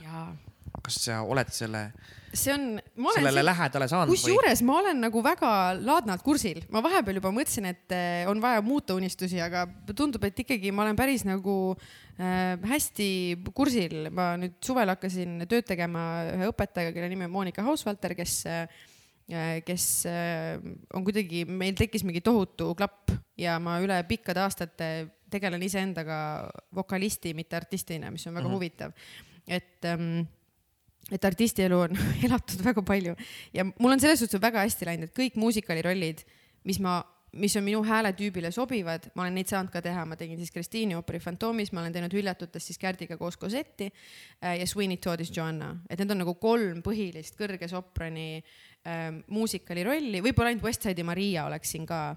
Aga karakterina ta väga mind ei tõmba, et selles suhtes tõesti minu jaoks Kristiin oli nagu suur rasvane linnuke, et see on nagu mammut, see on mammutroll ja see on kordades raskem kui mõned ooperirollid ähm, on, sest et ta on lihtsalt nii pikk ja nii kandev ja, ja siis äh, nüüd jah, kuidagi üle aastate ma tegelen siis iseendana, iseendaga kui vokalistina äh, koos oma õpetajaga, nii et ma arvan, et ma Violeta mõttes olen nagu niimoodi rahulikult äh, kursil, et kõiki asju ei saa nagu kasvamiseks sundida, et läheb nagu aega. Aga kumb teema sulle südamelähedasem on, muusikal või ooper? mul on südamelähedane väljakutse, ma olen nagu selle, sellise natuuriga, et äh, mulle meeldib see, mis mind äh, venitab uh. -huh. ja see on kohati nagu natukene, natuke massohistlik. aga kuidagi võiks nagu areneda ju või? või noh, nagu mulle meeldib see puumetafoor kõige rohkem, et, et mis hetkel tamm ütleb, et nüüd ma olen valmis, no ei ütle uh -huh. ju, ta nagu kasvab väga kaua ja, ja kogu uurib nagu ikkagi oma piire, et kus on uus oks ja kus on uus juur.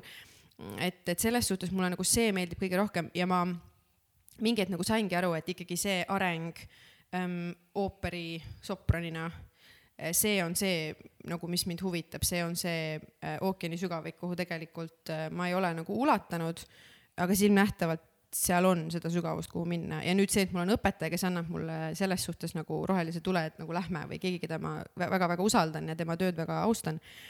et ähm, aga muusikal kui žanr, muusikali areng minu arust on väga-väga huvitav ja sellepärast ma Hanna-Linna koolis ka seda õpetan, et ma olen muusikali ajaloo äh, loengur uh. -huh. professor ma ei saa öelda, aga loengur, et, et see, kui palju noh, USA poliitika ja majandus on Broadway'ga seotud ja kui palju maailma ajalugu on seotud West Endiga ja Broadway arenguga, et see on minu jaoks nagu täielik äh, äh, kullakaevandus, et selles suhtes minu lojaalsus on nagu mõlema žanriga. Ehk siis sul ei ole sihukest asja, et, et, et ooper on nüüd ikkagi nagu nüüd tõsine töö ja muusikal on selline lihtne meelelahutus. jumala eest mitte, et selles suhtes. sest kahjuks nii ju Ma- on.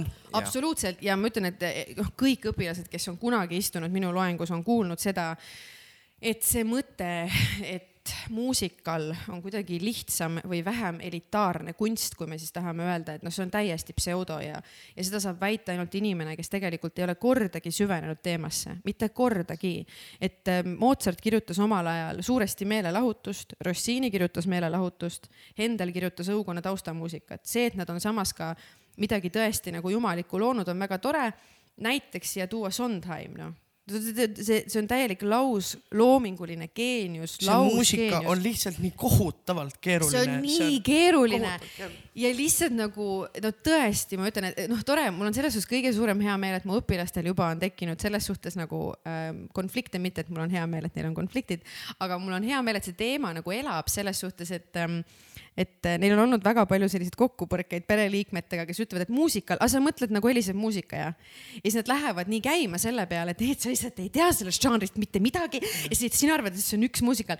et ähm, ja sellepärast ma nagu võtsingi oma loengu aluseks see, et ma annan neile kõrvale äh, poliitilise ähm, sotsiaalse ja majandusliku konteksti, et nad saaksid aru, et Broadway ja muusikali žanr on miski, mis on seotud äh, pakiliste igapäevamaailma küsimustega, et see ei ole von Trappi perekond kardinast tehtud kleitides Salzburgi mägedes, mis on ka väga tore lugu ja väga tore muusikal. see on kõik väga tore, see on hirmus tore. eile just rääkisime, oli loeng, rääkisime just ooperi Fantoomist. no tõesti, ma ütlen, see on minu jaoks suur asi. ma lähen auto sellega, et mulle Kristiin on hästi armas roll. aga noh, see on ju üle võlli melodraama ju mm. -hmm noh, et kui me hakkame no vaatama nüüd seda, et mis need, kas need on 3D tegelased, no ei ole ju noh, et, et ähm, kuigi see tükk on hea, see tükk on hea, aga lihtsalt muusikal on samamoodi nagu nii kihiline, seal on häid asju, lihtsaid asju, raskeid asju, traagilisi asju, väljakutseid esitavaid asju, täpselt nagu ooper, täpselt nagu ooper, et see on see, see žanripõhine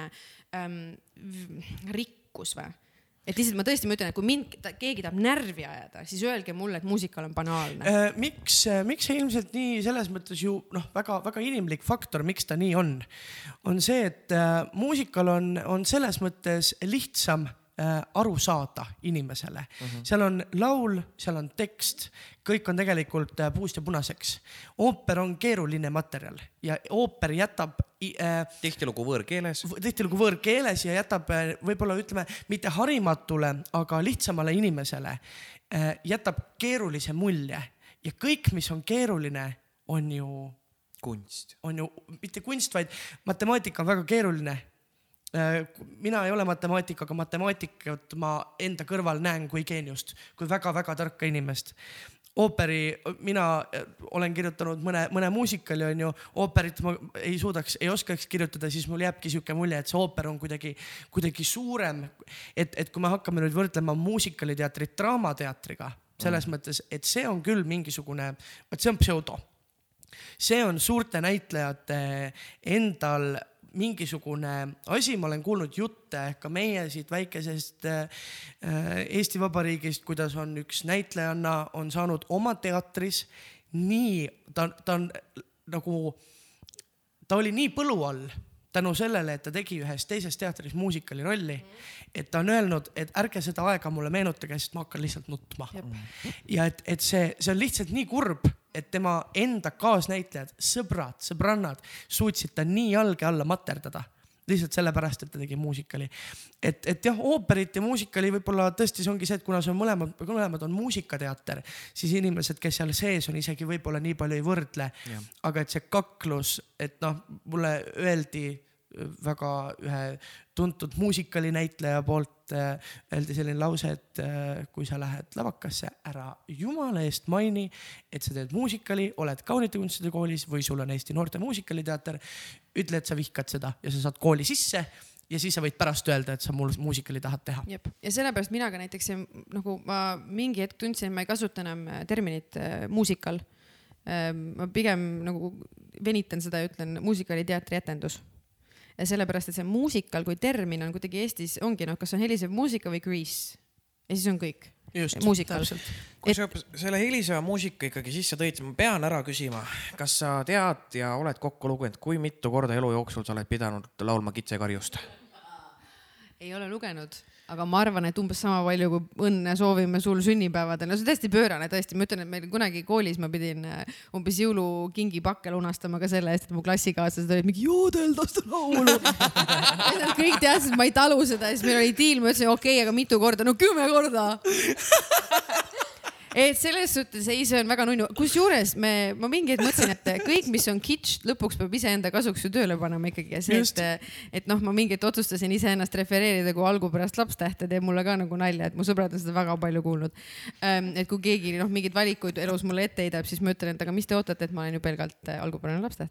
et äh, ja siis me eelmine aasta Memory, need muusikali, muusikali kontserdite, galakontserdite turnee Vanemuisega onju ja siis äh, eelmine aasta mina ja Hanna-Liina otsustasime, mina ütlesin, teeme nalja ka, et kuule, et me oleme siin juba sellised natuke nagu vanad tädid ka, et tead, aga võtame kitsekarjuse ja me laulsime kitsekarjust duetina niimoodi, et meil siis olid siis nagu noh, nagu tõesti nagu sellised vanakooli Hollywoodi glam, noh, tead see kõik see mm, -hmm. need kleidid ja mul oli tumesinine litter, tal oli selline punane litterkleit ja siis me tulime kõpsus, kõpsus lavale ja hakkas ei midagi muud kui äh, üksik kitsekarjus ja see oli täiesti fantastiline, kui loll see oli, kui hästi see töötas ja kui hea vastu, vastukaja sai see nagu publiku poolt. Ja meie, meil endal oli lõbus ja noh, ühesõnaga, et see oli kuidagi naljakas, et äh, mina ei ole kunagi rolli teinud, aga seda lugu ma olen äh, laulnud väga publik palju. äh, sai aru, et see oli nali või? kindel. Sada protsenti, ei no sada protsenti, sellepärast et oleks olnud midagi muud seljas, noh, saad aru, aga see, et me tõesti, et see oli täpselt, siis ma ütlesingi, et tead, et teeme kunagi sellise, kui me oleme juba noh, õiges vanuses, teeme sellise nagu pensionile mineku kontserdi, et kus me istume pukkide peal, jalg üle põlve ja siis teeme ikka veel seda, et noh, teeme siis nagu salongi õhtu, aga sul aastatega ei ole seda tekkinud, et jälle see laul. kunagi oli, kunagi ma ütlesin, ma enam ei laula seda kunagi enam nüüd kunagi. aga ei, ma ütlen, et noh, kitsch on noh, selles suhtes nalja on ju, nalja on ju tore teha, et see nagu ei, ei häiri mind. ma lihtsalt see ongi naljakas minu puhul, et ma olen teinud tegelikult nii palju erinevaid äh, muusika, teatri tahke nagu ma olen operetti teinud äh,. Vanemuises ja operett on ka tegelikult noh, sinna ärme täna räägi, sest et siis me jääme jälle sinna lõksu, sest et jällegi žanr, mille valdamiseks on vaja täiesti X oskusi ja see on mm. nii raske asi et äh, siis jah, ma kuidagi tundsin, et ühesõnaga mulle meeldibki teha nagu erinevaid, erinevaid asju. Kärt äh,, rääkides siin muusikalirollidest ja, ja unistuste muusikalirollidest ja unistuste muusikalidest ja asjadest. mis on sinu äh, selline roll, mille sa pead oma elu jooksul kindlasti ära tegema, enne kui, kui on minek? enne kui on minek. jah, no minek näiteks Maximasse tööle või või. Eestist ära kuni veel lastakse. või Ma- lapse hoolduspuhkusele, mis ei ole ka, see hooldus või? mis ma, mis, mis ma mõtlesin, mis see tegelikult on? no no ühesõnaga. lapsepuhkus, lapsehooldus. mulle meeldib see. okei, või lapsehooldusele, jah. lapse. sinu unistuste roll. unistuste roll, ma olen sellele mõelnud äh,, pole välja mõelnud väga midagi äh,, ilmselt äh, ei resoneeru midagi nagu nii, nii tugevalt. aga kui keegi nagu mingi Eesti teater tahaks teha sellist suurpärast tükki nagu Wicked, siis, siis seal ma võiks küll kütta sealt kõrgelt rohelise näoga. alfabet teeks. jah, seda teeks jah, rohelise näoga. rohelise näoga. jah, see on Ja- selline nagu väljakutsuv ja mulle meeldib see muusika ja see ja need, see jah. ja ütleme See niimoodi, et sinu kõrval istub ka üks kõige tõenäolisemaid äh, klindasid. ah, mis sa nüüd, Kaar? jah, seal on muide ka vot üks, see oleks värk. see oleks, see oleks värk.. et äh, mina mängin alfabeti, sina mängid klindat ai, see oleks ja värk. teie võite saalis istuda ja see nautida oleks. väga tore, kuule gender swap'ina see töötaks väga toredasti. See oleks väga hea. jah, ja me saame ka kõrge juurde mõlemad, tagasi. jah, täpselt. et alfabet, aga see on ainuke siis. ma, ma, ma nagu ei oska jah nagu mõelda. kindlasti on mingi olemas kuskil mingi selline muusikal, mida ma ei teagi veel, et eksisteerib. mingid need väiksemad muusikalid, mida ei ole jõudnud kõike läbi vaadata või et ma olen näinud filmi, aga ma pole näinud lavaversiooni ja tihtipeale lavaversioon on erinev ja siis ma ei tea, kumb mulle meeldib ja mis, no ühesõnaga ma ei, ma ei ole jah niimoodi nüüd otsustanud, et mul on mingisugune kirstunael, et ma pean selle ära tegema, enne ma ei sure. et sellist asja ei ole jah. tüdrukud, mis tasemel Eestis äh, hetkel muusikal on? kus me oleme omadega, kas meil on hästi või võiks olla saaks parem. või, ja siis sel juhul, mis võiks olla parem, et äh, me ei hakka Või muidugi võrdlema ju siin praegusel hetkel seda taset ei Broadway ega West Endiga ja, ja võib-olla suuremate muusikaliriikidega, kus seda veel tehakse. aga kus me praegult oleme no ma ei tea, mina räägin nii palju, kui mina tean äh,. mulle tundub, et see võib, esimene muusikalisats, kes olid need Laurid ja Kaired, Bridge Productions ühesõnaga. et see on, see nagu sats on jõudnud täpselt nagu nii vanaks, et nad saavad mängida neid äh,, neid äh,, neid põhirolle. ja, ja nüüd need äh, ja see moodustab meile nagu suht tugeva, noortele nagu suht tugeva aluse, kuhu nagu peale minna. ehk siis äh, nii mina kui Maria ja kes meil seal on, nooremad, kes kõik selle nagu muusikali ka liituvad, et meil on nagu tugev põhi. et ma hästi palju olen vaadanud ka lava kõrvalt, kuidas nad töötavad, kuidas nad teevad, ega, ega ei saa öelda ka ju, et kõik nüüd on seal geeniused. aga nad on ikkagi nagu teinud aga palju. sellist asja ei olnud, et äh, sul esimene asi Vanemuises oli ju äh, hüljatud, on ju? et, et, et kui seal olid ikkagi juba need, kes on tõesti no juba kakskümmend aastat võib-olla pealegi teinud neid muusikale, on ju, et ei vaadanud, et noh.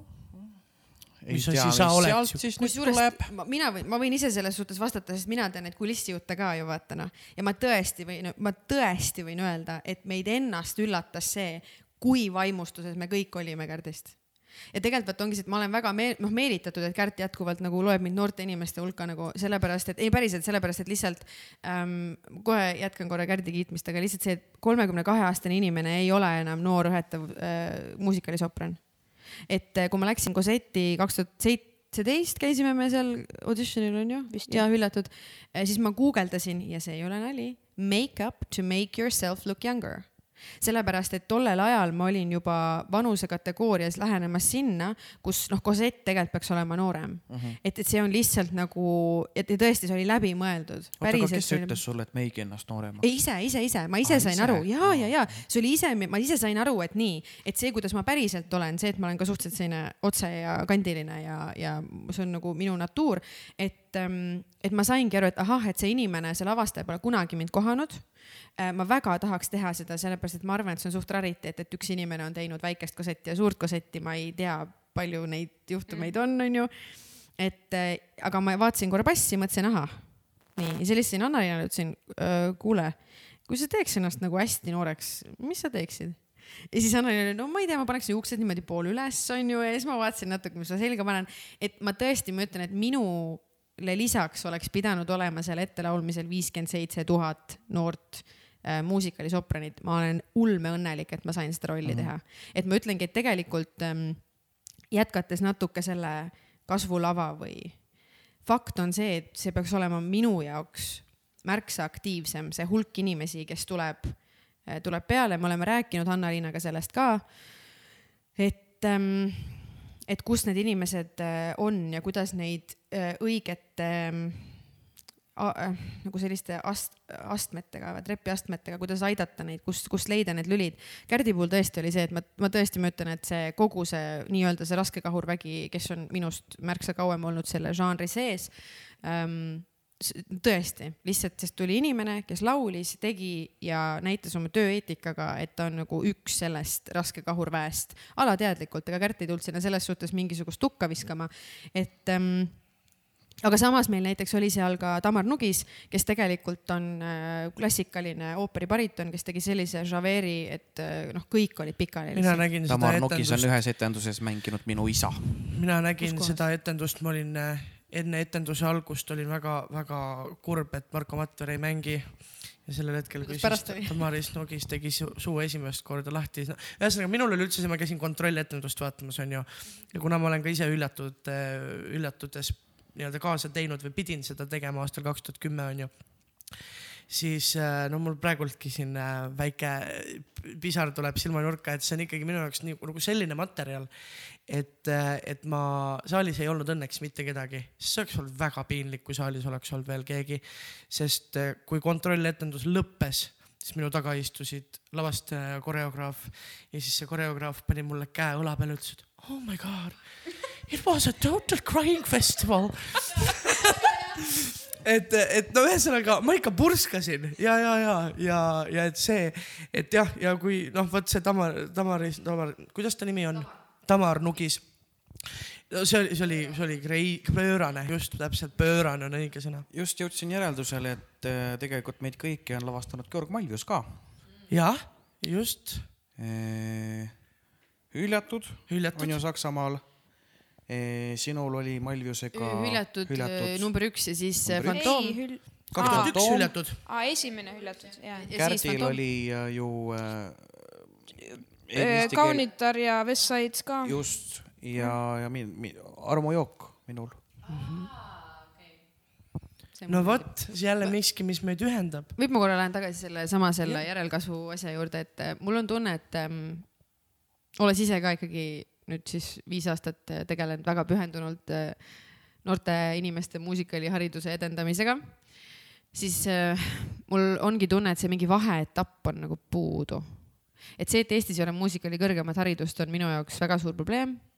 see on rängalt kandev probleem ja ma võin seda arutada kellega iganes, sest et see on kandev probleem, sellepärast et kui sul on pop-džäss, kõrgem öö, ooperiharidus, see kõik, siis küsimus tekibki minu jaoks problemaatiliseks läheb see asi siis, et ähm, muusikali, muusikali väljaõpe, no ma ei pea seda teile kolmele rääkima, see on ju spetsiifiline asi, see ei ole lihtsalt see, et aa noh, ah ma lähen ka teen. oskan natuke näidelda ja oskan natuke laulda ja nüüd teeme muusikali. ergo ma lähen sinna, no ei ole ju, see on väljaõpe, see on nii spetsiifiline väljaõppe asi et selline asi nagu inimesed, kes laulavad, tantsivad ja näitlevad tohutu kõrgel tasemel, noh, ma tõesti, ma olen kogu aeg õpilastele öelnud, mina ei ole muusikaliartist. see, et ma võin olla nendes rollides väga hea, tähendab seda, et need sobivad lihtsalt minu äh,, minu häälele, sest et ma olen ma olen klassikaline sopran, need on sellele häälele rollid, aga ma ei ole mitte kunagi tituleerinud iseennast ähm, pädevaks muusikaliartistiks, sellepärast et ma ei stepi. Ma kunagi tantsisin väga hästi, aga enam mitte, et selles suhtes ma ei ole ja ma ei pelti ka kas. step on, on nagu üks sihuke ala kohustuslik no, osa tead, ma muusikalist? ütlen, et kui vaadata Prood seda, maailma kui muusikalist vaadata maailma just. muusikali mõttes ikkagi seda, mis asi on triple threat, siis see on elementaarne, et see inimene valdab ka natukene mingil moel steppi, sa ei pea olema ju mingi noh, tohutu tead. Mhm. Allar Valge, no just, ta ei pea olema Allar Valge, aga see on elementaarne, et inimesed valdavad seda. sest see on uskumatu, ma ei tea, kui palju sa muusikale oled niimoodi vaadanud täispikkuses, aga, aga Broadway'l on ikka üsna tavaline, et Tä- igas just. muusikalis on üks suur stepinumber on just, sees just, just, just ja lihtsalt see samamoodi, et nad kõik äh, muusikaliartistid ei pea olema peltijad, need hääled ongi erinevad, aga lihtsalt ja neid on ka ju väga palju eri liike, aga lihtsalt ma ütlengi, et see, et Eestis puudub äh, muusikali kõrgem haridus, minu jaoks on väga-väga suur probleem. ma saan aru, et siin ei ole nii palju väljundit, et teha eraldi noh, kõrgem haridus, mis on siis noh, saad aru, et sa võtadki eraldi kursuse, sa ju jah. just ülikoolis, sest et sa ei garanteeri nendele inimestele tööd, sa ei saa nagu noh, lubada seda, sest et ei ole ju truppi vastavat. aga peaks olema mingisugune kursus, mingisugune selline mingi täiendkoolitus. midagi. peab eksisteerima, et see minu jaoks on väga-väga suur äh,, väga suur murekoht ja ma arvan, et enamus sellest nii-öelda vanakooli raskekahurväest, kes siis tegi Smithbridge'iga koos ähm, ja kes nüüd nagu noh, Kärt ütleski, et me saime omavahel ju seal kokku hüljatud ja siis ma arvan, nemad oleksid absoluutselt nõus sellega, sellepärast et poplauljad, ooperilauljad, noh, see ei ole see, kui sobib, kui sul on mingi tükk näiteks nagu Sweeney Todd, siis sa võid sealgi, sa võidki teha klassikalise baasiga seda, aga on väga palju tükke, mida ei saaks Eestis mitte kunagi praegu lavale lasta, sellepärast et meil lihtsalt puuduvad inimesed seda tegema. Andekaid äh, inimesi on nii palju räägime, räägime, minul näiteks võib-olla tuli esimese asjana kohe seesama, mis ma ütlesin, Glinda roll muusikalist mm -hmm. Wicked on ju kus ta esimeses pildis saabub sealt ülevalt äh, mullikile ümber, ümber pea onju ja, ja, ja laulab selle kõrge klassikalise soprani, sopranina seda, seda imelist aaret, mis seal alguses on ja umbes täpselt kümme minutit hiljem tuleb number, kus ta peab esimest korda täiega kütma pöörane. pophäälega. ühtegi inimest ei ole, seda inimest ei ole. jah, aga, täpselt. aga ka Broadway'l mängis seda ju Kristin Tšenovitš, kes ongi. kes mängis ka sedasama rolli, ta oli neljakümne kahe aastane, kui ta Jah. selle rolli pealt maha läks ja ta mängis lõpuni seda Ja ta on kuueteist pöörane. aastast äh, äh, Glindat ja lihtsalt sellepärast, et kedagi ei tulnud peale nagu ole, samamoodi ka tegelikult Helgi Sallo ju mängis umbes Jaa, nelikümmend aastat Pipit. Jah, ja täpselt. ongi täpselt väga hea näide kusjuures, aga see on väga hea näide, sellepärast et samamoodi nagu ja tegelikult noh, samamoodi ka Helgi Salo on tegelikult väga hea näide, et, et mingi hetk nagu eksisteeris ka selline asi nagu operetitrupp onju uh -huh. Estonias, ma saan aru, miks seda enam ei ole, aga jällegi see on täiesti teine teine väljaõpe nagu see on, see on täiesti teine asi teha operetti samamoodi nagu ka muusikaliga, et, et minu jaoks äh, jah, see muusikali kõrgema hariduse, et noh, samamoodi ma käisin nüüd vaatamas suvel on ju äh,, kas oli see suvi Libaunt, kui ma käisin, jah. on ju, ja ma ei saa enam kahjuks aru, mis aasta meil käes on. Äh, august keegi meist keegi meist. keegi meist ei saa. aru. ma midagi rääkisin eelmine aasta, eelmine aasta, ei eelmine aasta me ei teinud midagi. ja üks päev ma helistasin Kärt Antonile, küsisin, mis teed, Kärt ütles, mängin Simsi. mul on käsil praegu Gardenscapes ähm. ühesõnaga, et, et lihtsalt ja käisin seda vaatamas, vaimustusin, mul on kombeks vaimustuda, te kolmekesi seda ka nägite, et ma vaimustusin ja ma vaimustun ka Hanna-Linna kooli õpilastest ja, ja, ja ma vaimustun ja siis ma mõtlen, et okei okay,, aga mis siis edasi saab nagu, kuhu nad lähevad, kuhu, kuhu, kuhu, kuidas see käib? Vot üks probleem ongi see, et, et me, et tegelikult ongi see, et meil on ju need kohad, kus tegelikult noortele pakutakse arendamisvõimalust, on ju Kaari Sillamaa Muusikateatri Just, kool, Hanna-Liina kool, ka Eesti Noorte Muusikaliteater Just. satuvad meile noored, kes eh, noh, üks noormees, kes oli tõesti maalt ja hobusega ja polnud muusikalist mitte midagi kuulnud, ütles casting ule, et no laulma peab ka või, tantsima peab ka või mis see-. mis, okei okay,, mis aga see mul proosa, luuletust ei ole, mis aga see räppida proosa võib või? täpselt tähendab? jah, ja aastaga ta oli teinud sellise muudatuse, et nagu kõik vanad olijad, kes on olnud võib-olla seitse-kaheksa aastat, kõigil olid karbid lahti. et ta üks hetk küsis koreograafilt, et kuule, Loviise, et eh, kas see liigutus käis nii ja siis hüppas õhku, tegi viis piruetti ja, ja maandus spagaati peaaegu onju noh, näitlikult ja siis eh, noh, see oli Koit, ilu noh., see iluuisutaja või? ei, ei., oli, et no Anna, see, see läheb minu jaoks nagu kategooriasse pedagoogina Anna Kont. noh, ja küsimus ja. ongi selles, et mis see järgmine on nagu, Kuhu- kuhu, kuhu, edasi? kuhu edasi, mis asi see on, seepärast et see ei ole võimalik, et, et ütleme siis nagu teie äh, selle nagu muusikaliteatri, et ei ole võimalik, et teie projektide ja Vanemuise vahele nagu ei jäägi mitte midagi, selles suhtes Kärt ongi nagu erakordne näide ja miks me kõik olime nii šokis teemal, kust sa tulid, sellepärast et lihtsalt nagu seen maa seest, noh. Et Eestis tavaliselt on see, et sa ikka kuuled ja näed ja nii ja kaks takti ette oli mingi hetk ju täiesti nagu instrumentaalne mingite inimeste nagu arengus või see, et nad jõudsid kuhugi ja praegu ja. minu jaoks on seal nagu seal on, seal on. seal on jah auk tühimik. selles mõttes, selles mõttes, et muusikaliteater, Eesti Noorte Muusikaliteater on täiesti suurepärane koht, mis näitab inimesele ära, kas sa tahad seda teha Just. või ei taha. ja sa saad sealt tegelikult mingisuguse nii-öelda esimese teatri maitse suhu. sest me ei Aga- ole päris, me ei ole ju päris profi, aga me oleme ikka väga lähedal seal, mis nagu toimub Jah, Vanemuises täpselt. või Kärt lükkab ümber või kinnitab või ei no lihtsalt tiim on suurem. tiim Jah. on suurem Ühes-, prooviperiood on pikem, aga Jah. sa saad selle peaaegu teatri maitse kätte. Aga ma ütleks, et jah, ma olen Mariaga selles mõttes nõus, et ainult selle teatri maitsega või selle nii-öelda suvelaagri tundega, mis sest, et sul on päris hea produktsioon, sul on saalid täis, sul on hea mikrofonid ja kostüümid, sul on kõik peaaegu olemas. aga ainult selle maitsega kohe sinna astuda on äh,, ütleme, kui oleks nat-, on natukene nõrgem inimene kui Kärt oli, kes läks sinna sellise nagu juba teadmisega natukene Vanemuisesse. jah, jah. siis, siis see ongi, siis see šokk, mis sulle võib sealt teatrist vastu vaadata, see, see ei no šokk oli see niikuinii. ei no šokk on ta igal juhul. ma nägin esimest korda kuulsaid inimesi oma elus, nagu päriselt, ma olin ju maalt hobusega, ma olin Max Tartus käinud, Tallinnas võib-olla kaks korda ja siis lähed sinna Vanemuise teatrisse, niikuinii juba värised, astud ruumi sisse ja ma tean, et nad on seal, aga siis nad vaatavad sulle otsa ja küsivad, mis su nimi on ja siis pead laulma. ja siis, ja siis ma pidin veel laulma. Nende ees, see oli noh, ei ma selles mõttes lasin täis ennast jah. ja see on ka äh, üks väga hea selles mõttes äh, nüüd äh, fakt siis Kaarlile, et sa võid olla täitsa rahulik, et mina jään küll ikka elu lõpuni muusikaliteatrisse, sest et kuigi, kuigi mind on hurjutatud ja harjutatud, et, et, et mulle öeldi, et et lollakas oled peast või? see Le Futé või mis, mis see oli, see Gastoni parim sõber Vanemuisest, et see on sinu roll ja miks sina seda ei mängi?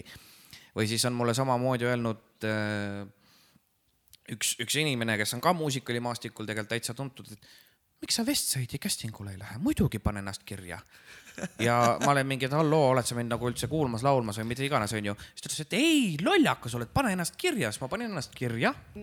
ma sain ja kusjuures see oli niimoodi, et äh, väikese hilinemisega, siis mulle tuldi äh, vastu Estonia teatri poolt ja Malvus siis ilmselt vist noh, kuna ta mind varasemast armujoogist teadis, siis ta vist tuli mulle vastu. Öeldi, et okei okay,, teeme sulle erandi, mis sest, et sa kirjutasid kaks päeva hiljem, onju. teeme sulle erandi, tule, trallallaa, casting toimub siis. siis ma olin mingi okei okay,, et noh, tegelikult ju oleks ju tore ju, võiks ju minna, onju. ja siis seal oli Manusesse see kohustuslik laul ja siis ma korraks kuulasin seda Youtube'ist, ma olin mingi nope ja lihtsalt ei läinud. no minul oli täpselt sama olukord, oli Vanemuisega, kui ma siis, Kärt Anton elas mul lihtsalt, elas literaali seljas mul. sa saatsid ära selle vä? saatsid ära vä? ma olin mingi, ma veel ei ole, kas sa saatsid nüüd ära? ja siis lõpuks, kui oli auditioni päev käes, siis Kärt saatis umbes kirja, et nojah, siis jälle sind ei ole. mis tükiga? minu arust, kas oli produusserid vä, Jep. mis ei tulnudki lõpuks jah, see oli jah see jah. ja kus veel ma pärast kuulsin, et oli veel isegi auditioni ajal oli olnud isegi küsimus, et, et aga kus on Kaarel Orumägi. ja ma veel isegi kirjutasin lavastaja assistendile, kui ma siis ühel hetkel sain aru, et ma olen ikka täielik idioot, siis ma kirjutasin, et kas ma ikkagi saaksin kuidagi tulla ennast näitama. ja kiri, mis mulle vastu tuli, oli see, et aitäh, et sa kirjutasid, aga et meeskond lahkus tund aega tagasi Eestist ja siis ma mõtlesin, et Kaarel, Kaarel, nii ei jõua sa mitte kuhugi. no aga teile mõlemale on noh, selles suhtes äh, ja väga õigesti inimesed, kes teid hurjutavad, on hurjutanud õigesti ja mina ja Hanna-Elina pärast Hairspray'd ju täiesti väljusime iseendast, et miks me ei ole näinud sind kuskil ju casting ul ju noh, tulet- Aa., tuletan sulle, tuletan sulle meelde, et, et me olime üksteisest, et lihtsalt, et noh, mõlemale teile, see on nagu noh, see on õige teema, et tegelikult, et neid tuleb ju veel, neid muusikale tuleb veel ja küsimus ei olegi ju alati selles, et noh, mitte et ma nüüd räägin teile nagu te ei teaks seda, niikuinii teate, aga lihtsalt, et see on oluline asi teistele, kes potentsiaalselt kuulavad seda. et auditionile kunagi ei saa ju minna ainult sellepärast, et saada seda ühte rolli, sellepärast et keegi võib näha kedagi, kes teeb kunagi midagi, kellel on vaja midagi et noh, üldiselt see kõik ju nagu lähebki lihtsalt sellist rada, et tegelikult kunagi nagu ei tea, et mingisugused mm,, samamoodi mina käisin laul, ette laulmas West Side'ile ähm,. ei tulnud sealt selles suhtes nagu noh, rolli, rolli ma ju ei saanud, noh, kuigi ma teadsin, et kui Maria tuleb, siis tuleb ja muud noh, ma teadsin, et Georg mulle ei anna.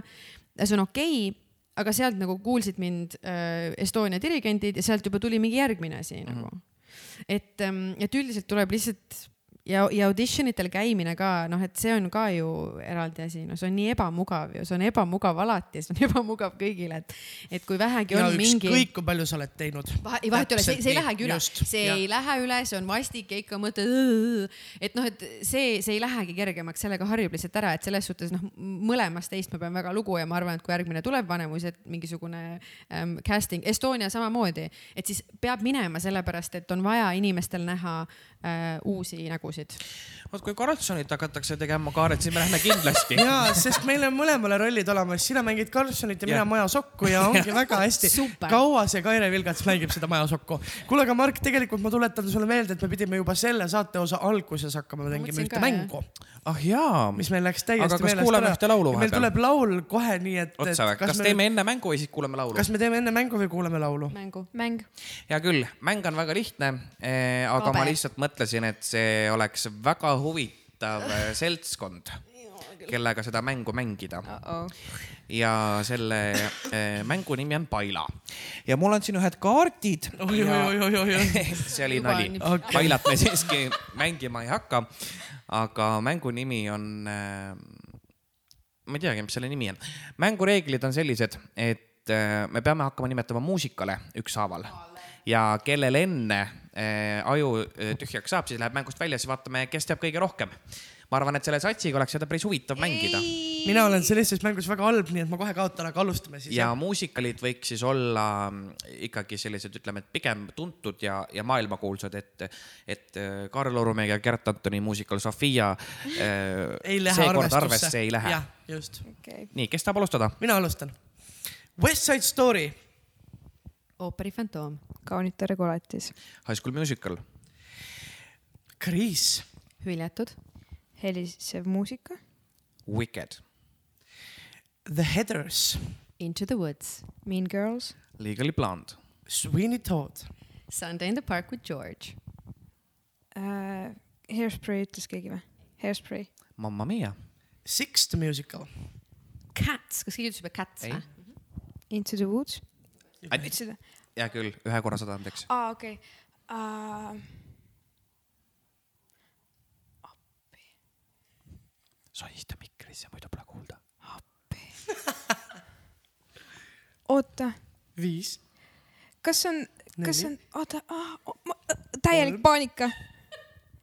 Kaks, üks. ja ei tulegi, ja ei tulegi. Kinky Boots, Uh, the Greatest Showman, Matilda, Greatest Showman. on täitsa muusikaline ka olemas või? ei, ei see no see on muusikalfilm ju, see on ikkagi muusikal, muusikal. no teeme möönduse. aa, okei.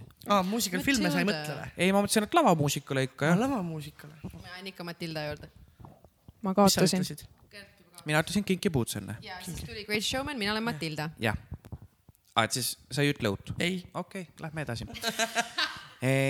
Frozen on ka Broadway muusikal. on ka Broadway muusikal jah uh,. see on nii ebaaus..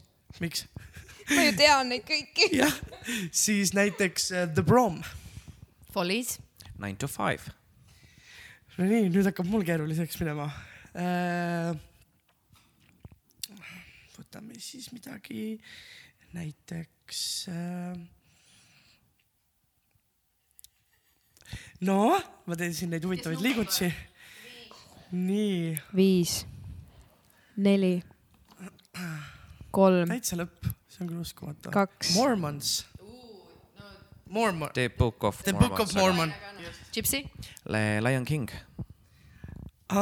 no lähme siis, lähme siis seda teed. SpongeBob the musical. kas ma Oklahoma ütlesin või? ei. Oklahoma Drowsy Chaperone. aa, Miss Saigon. uh,, Sweet Charity. Evita Aida on ooper onju. see on see on ka muusikal. Aida on ka muusikal jah. ka Elton. Johni oma. uh,. Jesus Christ Superstar. Shrek the Musical. Chess. ma just hakkasin ütlema.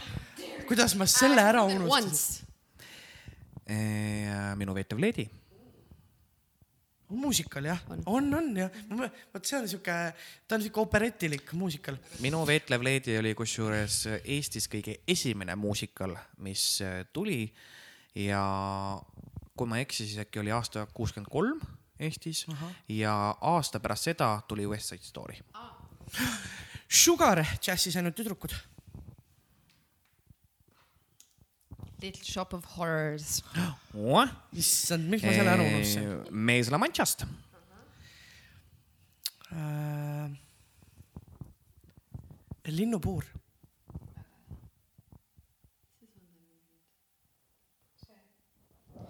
mõtlesin Into the Woods, mõtlesin Sunday in the Park, mõtlesin Follies, võtame siis. Little Night Music.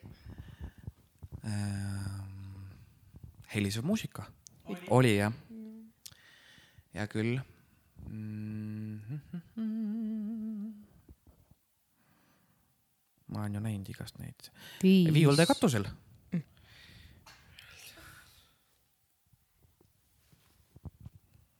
Marial jah?, Marial on jah. hea küll, ma lähen välja. ossa nuga.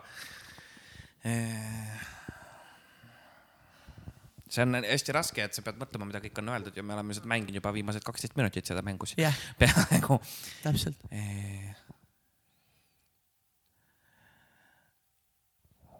ma tean ühte muusikali, mida ei ole veel öeldud. no ütle ära. Dear Evan Hansen.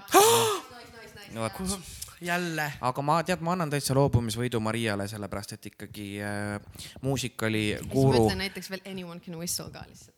ja, ja tegelikult Anyone goes, täpselt. ja, ja see.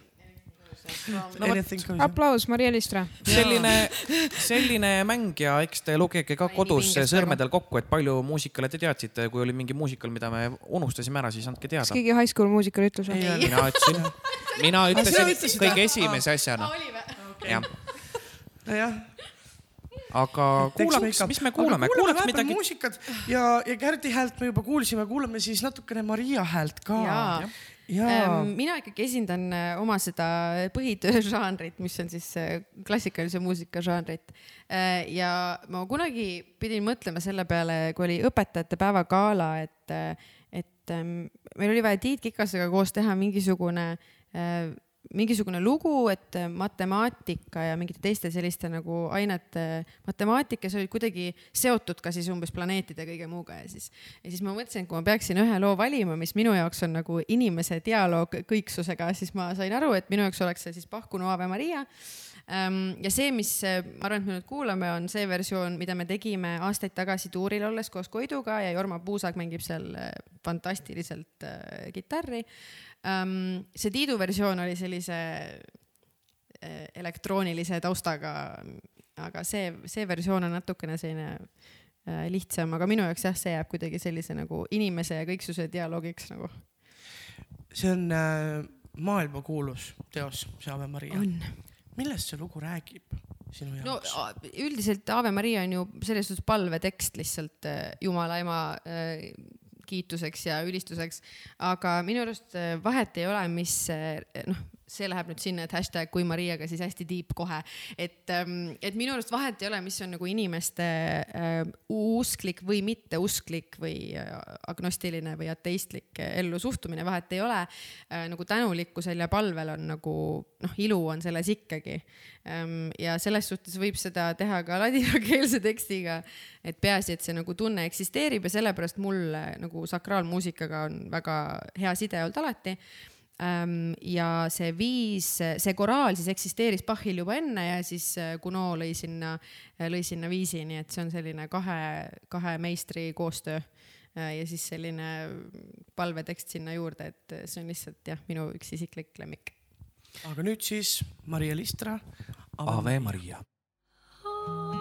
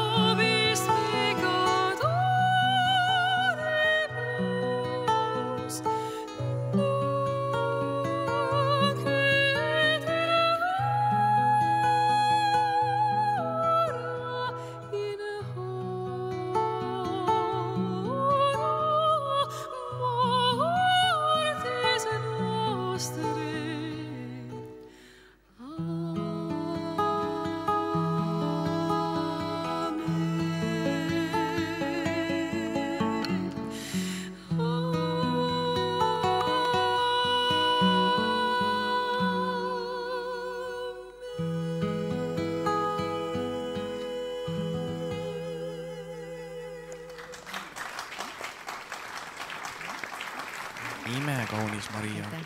ma olen tõesti, ma olen selles suhtes väga uhke jätkuvalt selle üle, sest et see on ka Terevisioonis tehtud hommikul umbes kell pool kaheksa äh,. Ja sa laulsid laivis? absoluutselt Vau. Aivis Nii, tead, vana mis kell sa inimene. ärkasid? tead, ma arvan, et kuna Krimmi aeg televisioonis tavaliselt on kas mingi kell kuus, siis no ma arvan, et selline pool tundi enne, et ma olen nagu see inimene, kes viimasel hetkel ärkab nagu enne proove ka nagu pool tundi enne. kas sul ka hääl ärkab? Peab sul no ärkama?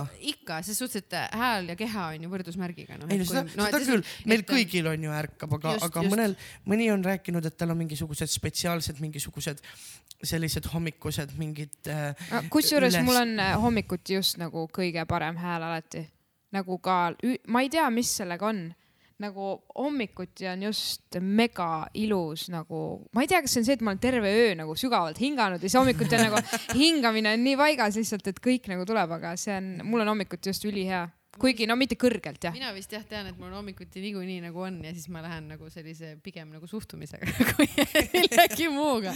peaasi, et kohvi on, siis on okei okay.. väga hästi. Aga me oleme rääkinud siin nüüd erinevatest huvitavatest asjadest, et unistuste rollid ja kus muusikaliteater Eestis praegu on ja kus ta võiks olla ja, ja väga palju erinevatest asjadest, aga võiks rääkida sellisest asjast nagu näiteks erinevad huvitavad juhtumid teatris, see laval on, ju, siis see on ju kõige taga. intrigeerivam Jah, teema tegelikult. klatši võib-olla, et kas kas on, on keegi nagu eh, showgirl siis niimoodi natukene pärleid lavale puistanud, et või, või on keegi konkurent teil parrukaid katki lõiganud või? äh,. ussipesa, nagu see teater on teadupärast.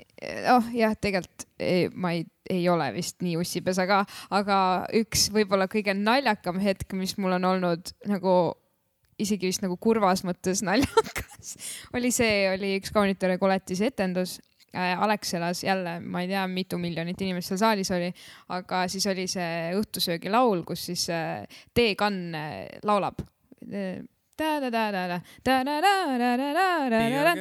ja, aga see on see T-Kann osa onju, siis T-Kann laulab ja järsku see laul läheb nii kiiresti ja lähevad sõnad, läheb, läheb, seda ei juhtu tegelikult väga tihti, et lähevad sõnad meelest ära laval inimestel või kui läheb, siis nad lihtsalt kuidagi muudavad või midagi, aga see et täiesti nagu null blank nagu seda, seda ma ei ole nagu väga palju kohanud, aga siis oligi see, et see T-Kann siis vaatab mulle otsa ja teeb. ja siis ise ka jumala paanikas juba vaata ei teagi ja ei saa enam rajale, ta ei tea ja, kus ta on. ja tegigi na-na-na ja lauliski niimoodi ära ja, ja ise ka kehitas õlgu ja ütles, ma ei tea. et ei teagi, mis ja, juhtus. ja mina olin täpselt sama üllatunud, ma ei osanud reageerida kuidagi.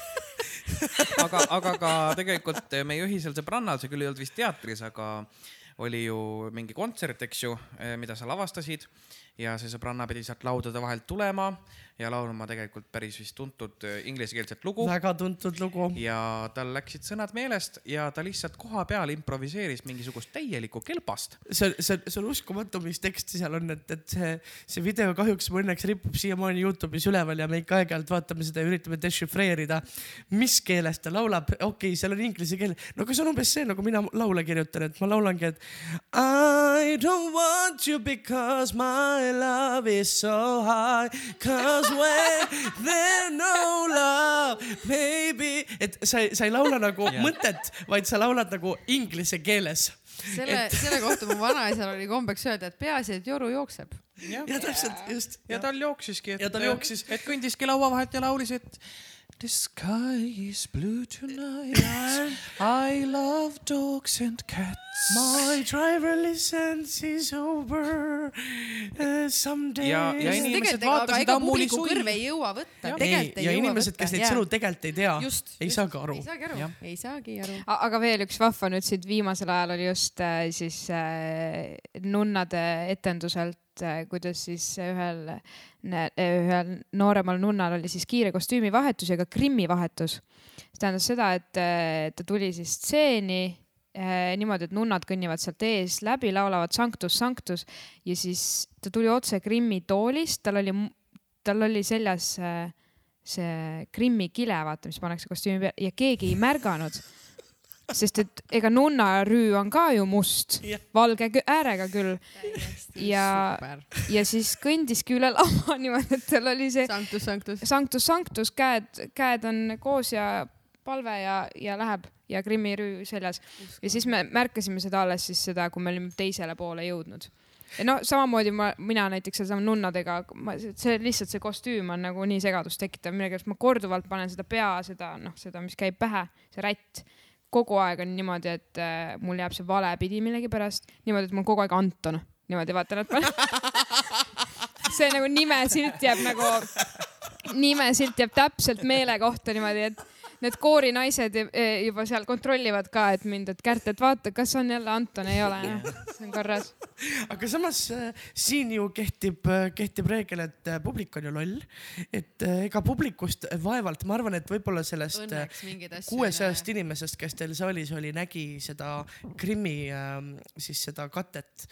ma arvan, võib-olla kolm, kui niigi palju. jah, jah, isegi, kuule, meie ei pannud lava taga ja seda tähele. meie ühisest momendist tõesti jah, meil kuidagi hüljatute ajal, kas see proovis tekkis see, kus see tekkis see moment, et me ei suutnud enam tõsiselt otsa vaadata teineteisele? minu arust see oli peale, ei, minu arust see, see, et me ei suuda üksteisele otsa vaadata, oli peale mingisugust vestlust, see oli juba etendused käisid ja siis Maria, ma ei mäleta, mida sa rääkisid, seal oli mingi point nagu mingi sisuline point, et ikkagi, et me näeme üksteist jälle. Ja Jaa. ma ei see mäleta on, see moment, kus äh, Maarjus äh, jookseb Cossetti juurest ära, Cossett ja Eponiin äh, korraks läbi värava tegelikult näevad teineteist.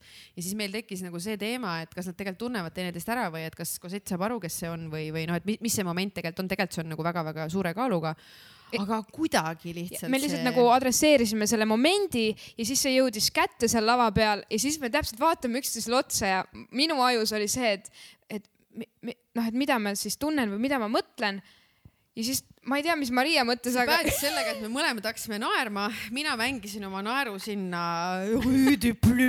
värava sisse, et keegi ei näeks, ma keerasin publikule selja ja te- noh, teesklesin ma hästi kaua, keeran lukku. ja minul, minul käis lihtsalt see, ma ei saanud üldse Ja- jalga ja jooksis see maha. minema. siis etenduse ajal jah? etenduse ajal ja, no ja. õnneks nüüd see on nii murdosa sekund, et sinu jaoks noh, vaata ongi see, et see aeg venib välja, tegelikult publikust keegi tegelikult ei näinud, aga edaspidi oli see, et ma vaatasin Gerdist iga kord mööda, no ma vaatasin iga kord üle õla mm, -hmm. sest ma sain aru, et kui me pilgud veel kohtuvad, siis on noh kaos.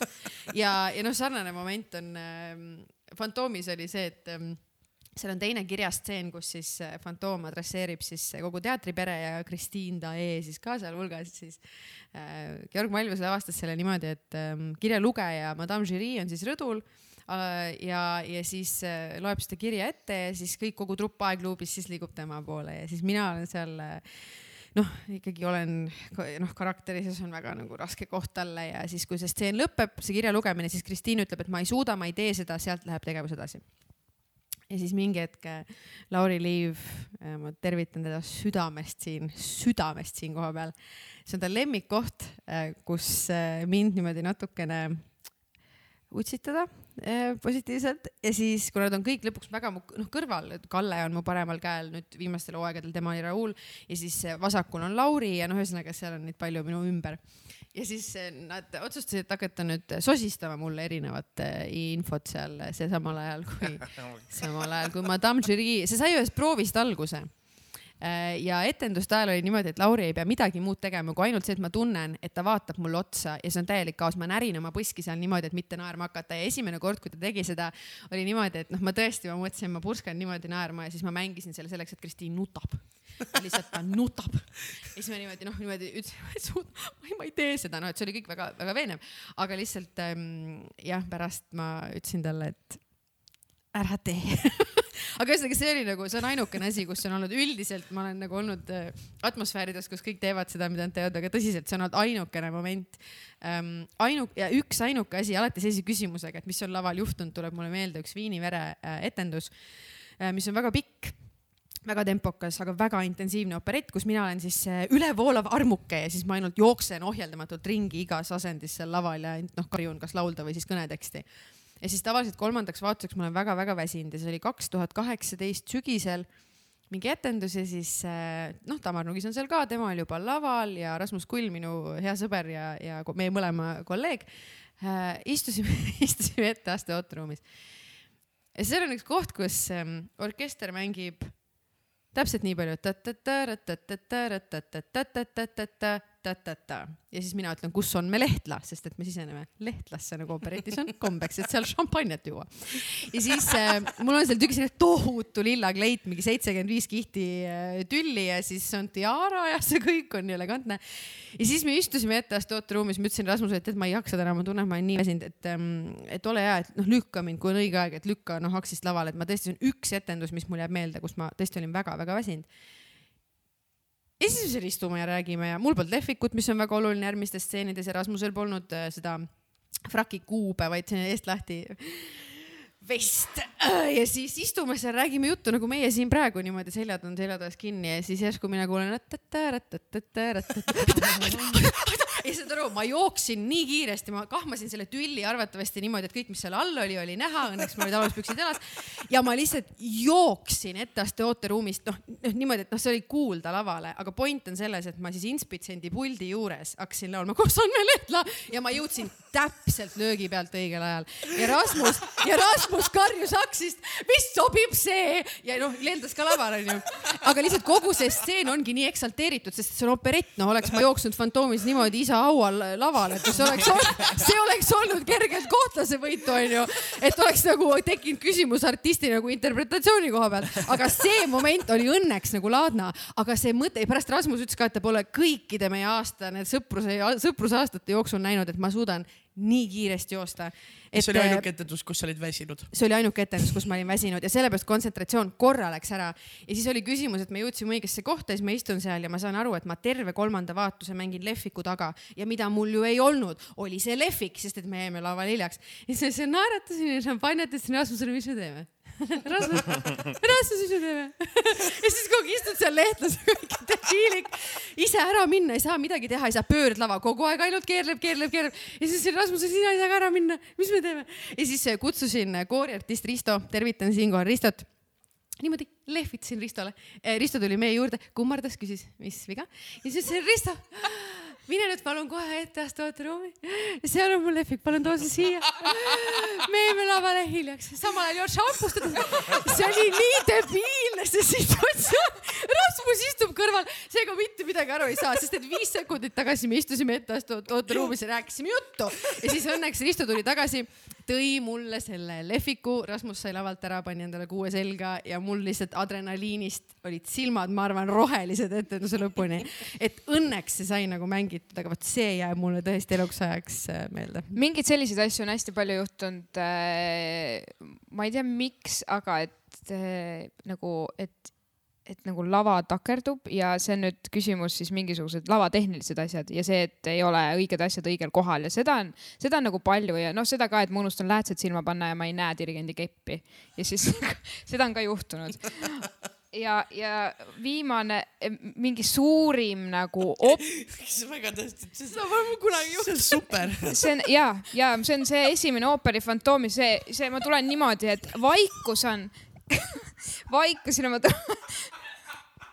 Ja ma tulen täpselt dirigendi kepiga, see esimene kord, kui Fantoom üldse ilmub, on see. ma näen seal oop- ja see tuleb täpselt dirigendi ja orkestriga koos ja seal on mingi kaos enne täpselt seda, nii et see, et ma näeks seda dirigendi, ma olen- sain sekund enne aru, et ma ei näe teda.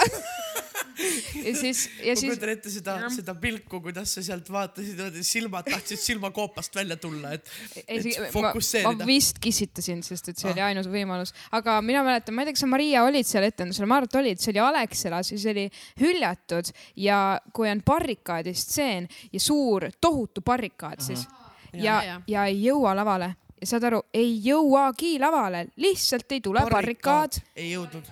see oli, ma ei tea, mingi kolm meetrit lai ja kaks meetrit sügav, sihuke suur konstruktsioon ja see ei jõuagi lavale. muusika on ammu otsast siia sisse tulema, kus ta tuleb ja ette ja taha ja, ja ei tule. ja ma ei mäletagi, mis siis sai, lihtsalt oligi vaikus ja siis lõpuks kuskilt see barrikaad hakkas nagu liikuma vaikselt. selliseid asju on ikka ja no, olnud. ja noh, et need mikrid Veel. läbi lähevad ja siis äh, ja keegi jälle jookseb kuhugi ja ja midagi teeb. m- meil oli nunnades jälle ka, et äh, mikker või midagi ei töötanud ja siis ma, ülemõde üksinda laulab oma laulu ja ta on ainukesena laval. ja siis oli see, et okei okay,, mikker on läbi, nii palun, kes viib, kes viib ja keegi ei julgenud minna ja siis no ma võtsin selle kähku, siis sekundite küsimus, vaata võtsin selle mikrofoni ja lihtsalt niimoodi lähen, kõnnin sinna üle mõe ette, veel kummardan. annan talle mikrofoni ja kõnnin minema ja siis sport, nojah, tavaliselt viiakse käsimikker. siis käsimikker, jah. see on ränk sport sellepärast, et sind vaatab, noh, kui on täismaja, siis seitsesada midagi mm -hmm. inimest, Alexelas kaks pool tuhat, kui on mõlemad rõdud. et noh, saad aru, selles suhtes on ränk sport ikkagi see, et kui on vaja situatsioone lahendada, et mis sa teed. Ainuke ohtlik asi, mis mul tuli meelde, muud on nagu sellised nagu hihihiid, aga lihtsalt ainuke ohtlik asi, mis meil iga kord oli nagu keeruline, oli see, seesama see surnuaia stseen Fantoomis, kus siis Raul Fantoom ja Kristiina on laval ja enne seda Kristiini soolo ajal äh, on sadanud lund.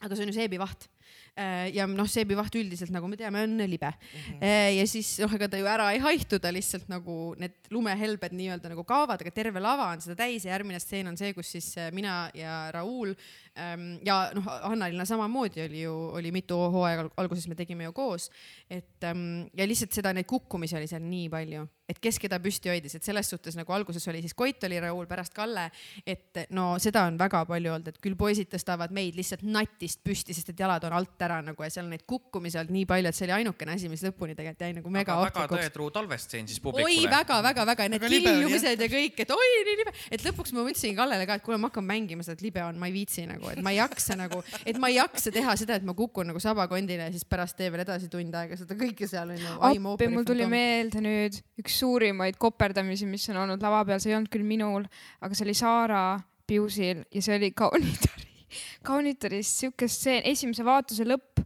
kui ta on, lähevad tülli selle koletisega ja siis on see suur ärajooksmine, vaat see on, ma ei, ma ei, kas see koletis kuidagi hirm-, no ühesõnaga koletis hirmutab ja siis kaunitar jookseb minema lossist. aga Saara hakkas siis täie hooga sealt jooksma sealt lava keskelt sinna vasakule ja ma ei tea, mis tal juhtus, kas ta kuidagi kõigepealt tõusis nagu, ta on pikali maas ja siis ta tõuseb püsti, hakkab jooksma. ja siis ta kõigepealt tõuseb püsti ja ta vist kohe kukkus nagu ta kuidagi koperdas, ta ei saanud püsti ja siis ta jooksis edasi ja ta kukkus uuesti nagu USA nagu president. näoli ja see oli täielik siuke, et nagu Kalle ütles, ta oli vist Kalle minu arust mängis koletist, Kalle oli lihtsalt niimoodi käed laiali, et nagu kas ta läheb appi või mis ta teeb. see oleks eriti, et koletis on mingi ja mine, mine, mine, mine. ja siis sa, Jookse. ära karda, ära Saara karda, mine, Saara ütles, ta lihtsalt roomas sinna aksi vahele, ta ei saanudki püsti nagu. ja sellega on ju see, et see tihtilugu isegi, kui sa oled näitleja laval, mina, noh, üldse kontserdite, kui publik saalis, ma olen ka ikka kord, noh, koperdanud, ma olen sihuke koperdamise kunn veits ja, ja see ei tee mitte kurjaks või kurvaks, vaid tegelikult see tihtilugu ajab nii kohutavalt naerma. ja siis sa veel pead nagu sellest, sellest naeruemotsioonist või sellest nagu emotsioonist ka üle olema, eriti kui on veel mingi ra- raske stseen või mingi kurb stseen on ju. et, et seal tuleb neid emotsioone veel isegi just nagu see kurva juurde. stseeniga, vaata lõpus on see, et, et noh, et Kristiin siis võtab selle noh, ainsa, ainu, ainuke kord võtab fantoomi maski maha ja siis neil on see noh, selline tohutu nagu noh, lunastusmoment tegelikult fantoomile, tegelikult üliemotsionaalne stseen. ja me oleme seda aastate jooksul küll ja veel noh, niimoodi mänginud, et lihtsalt noh, pisarad jooksevad endal, pisarad jooksevad Koidul, alguses Stefan Hansen, et noh, see on nii üli, üliemotsionaalne stseen ja siis kõige toredam on see, et need laval on nii palav ja siis, kui vaatad, et niimoodi äärest hakkab nagu natuke niimoodi ära kooruma see fantoomi tohutu haav, et siis mul alati, ma olen tihtipeale teinud niimoodi, et ma paitan sind ja surun tegelikult täiega seda sulle näkku, sellepärast et vaene poiss jääb ju veel veerand tundi on üksi laval, lava ees põlvitab maas. et kui see peaks sellel hetkel nagu lahti tulema, et ta jääb nagu just, et, et, et ema, ema ja siis see, et, et see on nagu pöörane, ma ütlen, et Koit on mänginud minu arust ja Steffen ka kindlasti mängis küll ja veel niimoodi, et ta natuke käega sätib seda kinni uuesti. et see on miski, mida sa tegelikult ei saa teha, et see on Jah. niimoodi kleebitud, aga lihtsalt see nagu higihulk äh, selles etenduses meil kõigil kolmel laval on täiesti pöörane, noh et noh no et aga see on nii nunnu see moment, et vaatad, et noh, tohutu valu ja vaev, kõik nutavad ja siis tegelikult niimoodi hakkab see nagu see, mis see siis on, see lateks liimis Jah. siis Jah, niimoodi jah.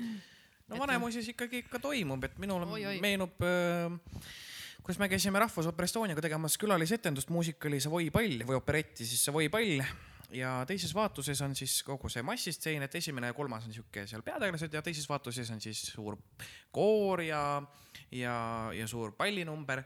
Ja seal oligi see, et alguses on pall, siis vahepeal lähevad kõik laiali. Ja siis on noh, lava pöördub, seal siis on jälle sihuke stseenide koht. Ja siis lava pöördub tagasi ja siis peaks pall nagu edasi kestma. Ja siis me olime Vanemuises mitte seal ooteruumis, aga seal külje peal on mingisugune ladu või ait või jaa, mis seal on täpselt aga see aida uks on selline noh, et üks inimene mahub sisse või välja ja või ma ei tea, mis seal Mõtlen, täpselt on. Nii. täpne nimetus on ja siis me kooriga istusime seal, ka mina istusin seal ja siis rääkisime juttu ja üldse ei olnud midagi kuulda tegelikult, mis laval toimub, et telekast me nagu nägime, et stseen käis. et muidu oli see, et koor läheb seal noh valmis, onju ja, ja siis järsku äh, kuuleme, et, et muusika hakkab ta-ta-ta-ta-ta-ta ja siis naised seal, koori naised ka veel samal ajal rääkisid juttu.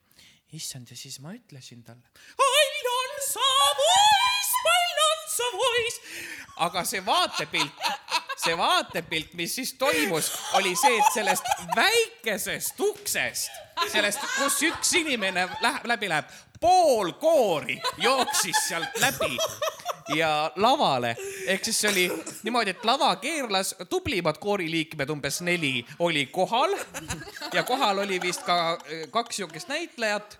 Ja ülejäänud jooksid, lava keeras samal ajal, pöördlava keerles ja ülejäänud jooksid lihtsalt massiga peale. Vot see oli lõbus jah. ja, ja no Estonias, mis eh, tõid selle haavateema välja, oli see, et eh, teetanuse armujook Eh, lisaks sellele, et ma siis mängisin eh, selle maffiabossi Belcore poega eh, ma tegin siukese väikse kõrvalsutsaka ja mängisin postiljoni ja seal oli siis mul siuke kõik postiljoni univorm ja kott ja nahast saapad ja, ja selleks, et ei oleks noh ära tunda, on ju teatrimaagia, pandi mulle, kleebiti ette vuntsid ja habe. mis sest, et ma toona olin vist ise neliteist, aga noh, et ongi siuke teine karakter. siis ma sõitsin selle, minu ülesanne oli sõita siis jalgrattaga lavale anda Bel-, Belcorele eh, see kiri ja siis sõita minema. väga lihtne sihuke sutsakas.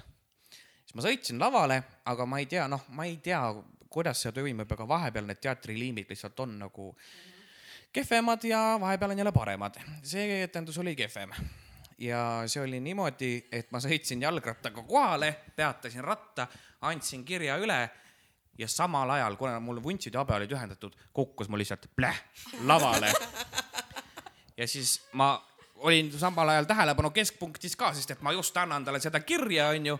siis mul tek-, vuntsid ja habe tegid pleh lavale. siis ma umbes kaks sekundit vaatasin neid, vaatasin Belcorele otsa, siis sõitsin rattaga minema.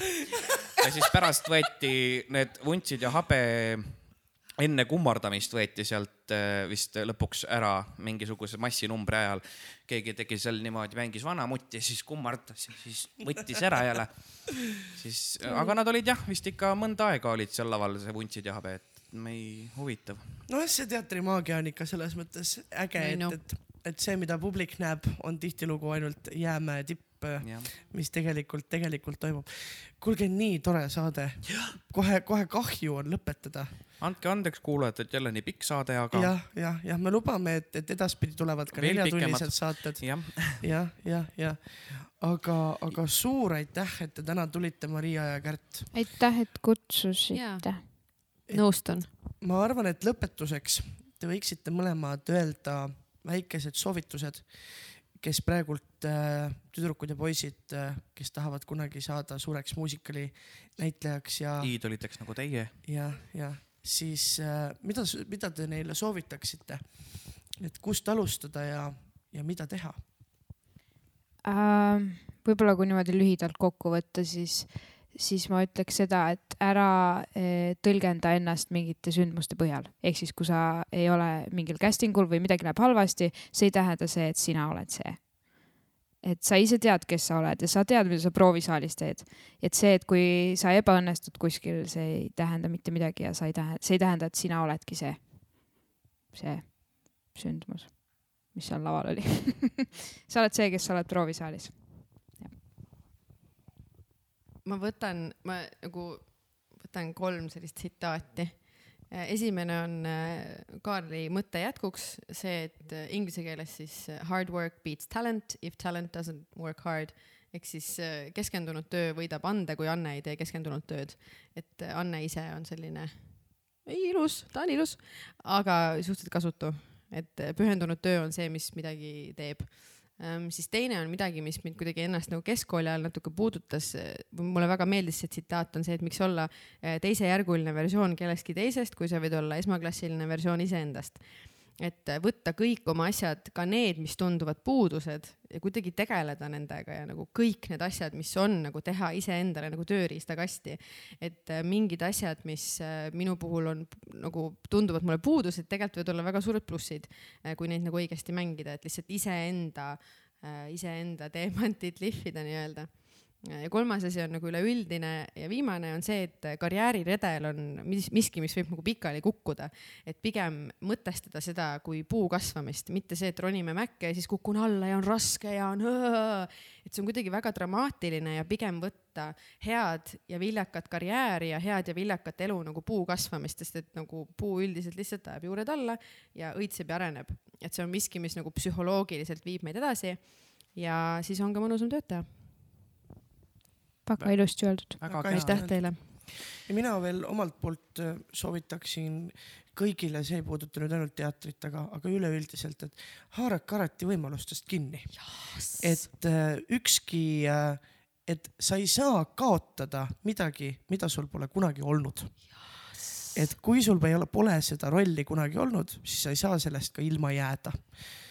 sa saad rollist jääda ilma ainult siis, kui sul on see olnud ja sa ei ilmu etendusele kohale ja siis sind visatakse teatrist välja, siis sa saad jääda. Helen Mirren ütles täpselt seesama mõte, et noortele inimestele mine kohale ja ole viisakas. Ja ongi kõik. Mine kohale ja ära põrka. Lihtsalt mine kohale, pane, puutad püksid jalga ja ütled tere ja ongi kõik ja see on pool tööd juba tehtud nagu. Ja, ja. mine kohale. ja mina omalt poolt annan, avaldan siis oma suurima saladuse, kuidas mina olen kõik need aastad laval vastu pidanud.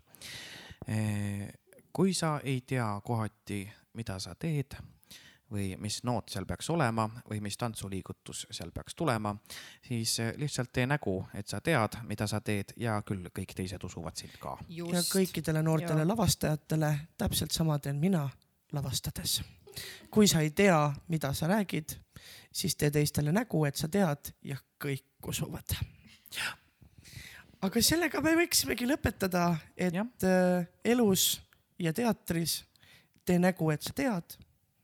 ja tegelikult mingi hetk kõik usuvad, et sa tead ja see guugelda viib sind. vahepeal Ja- infot. jah, ja võib-olla sa siis How lõpuks to- teadki. How to be actor. jah, mis meie siis lõpetuseks ütleme, me iga saade ütleme alati midagi toredat. ütleme näiteks võib ma ütlen ühe asja või Jah. ütlesin õpilastele ka, et seni kuni on internet, teil ei tohi igav olla. Teil ei tohi olla igav, seni kuni on Youtube, seni kuni on Google, teil on maailma suurim raamatukogu telefonis. seni kuni on Youtube, muusikali artistidena või kultuurist huvitatud inimestena, teil ei tohi olla igav. sest te olete lihtsalt rumalad, kui teil on igav. Youtube on olemas. just, jah. aga meie ütleme lõpetuseks. ma siis ütlen lõpetuseks seda, mida ma ütlesin ühel juukselaki etendusel. Öelge külalised, meil on tere. ja, ja, ja, ja, ja mina siis teen lõpetuseks heliefekti, mil lumivalgek oli lava taga. mikker oli kogemata sisse jäänud lumivalgik oli juba surnud. ja ning ta otsustas, et ta hammustab õuna.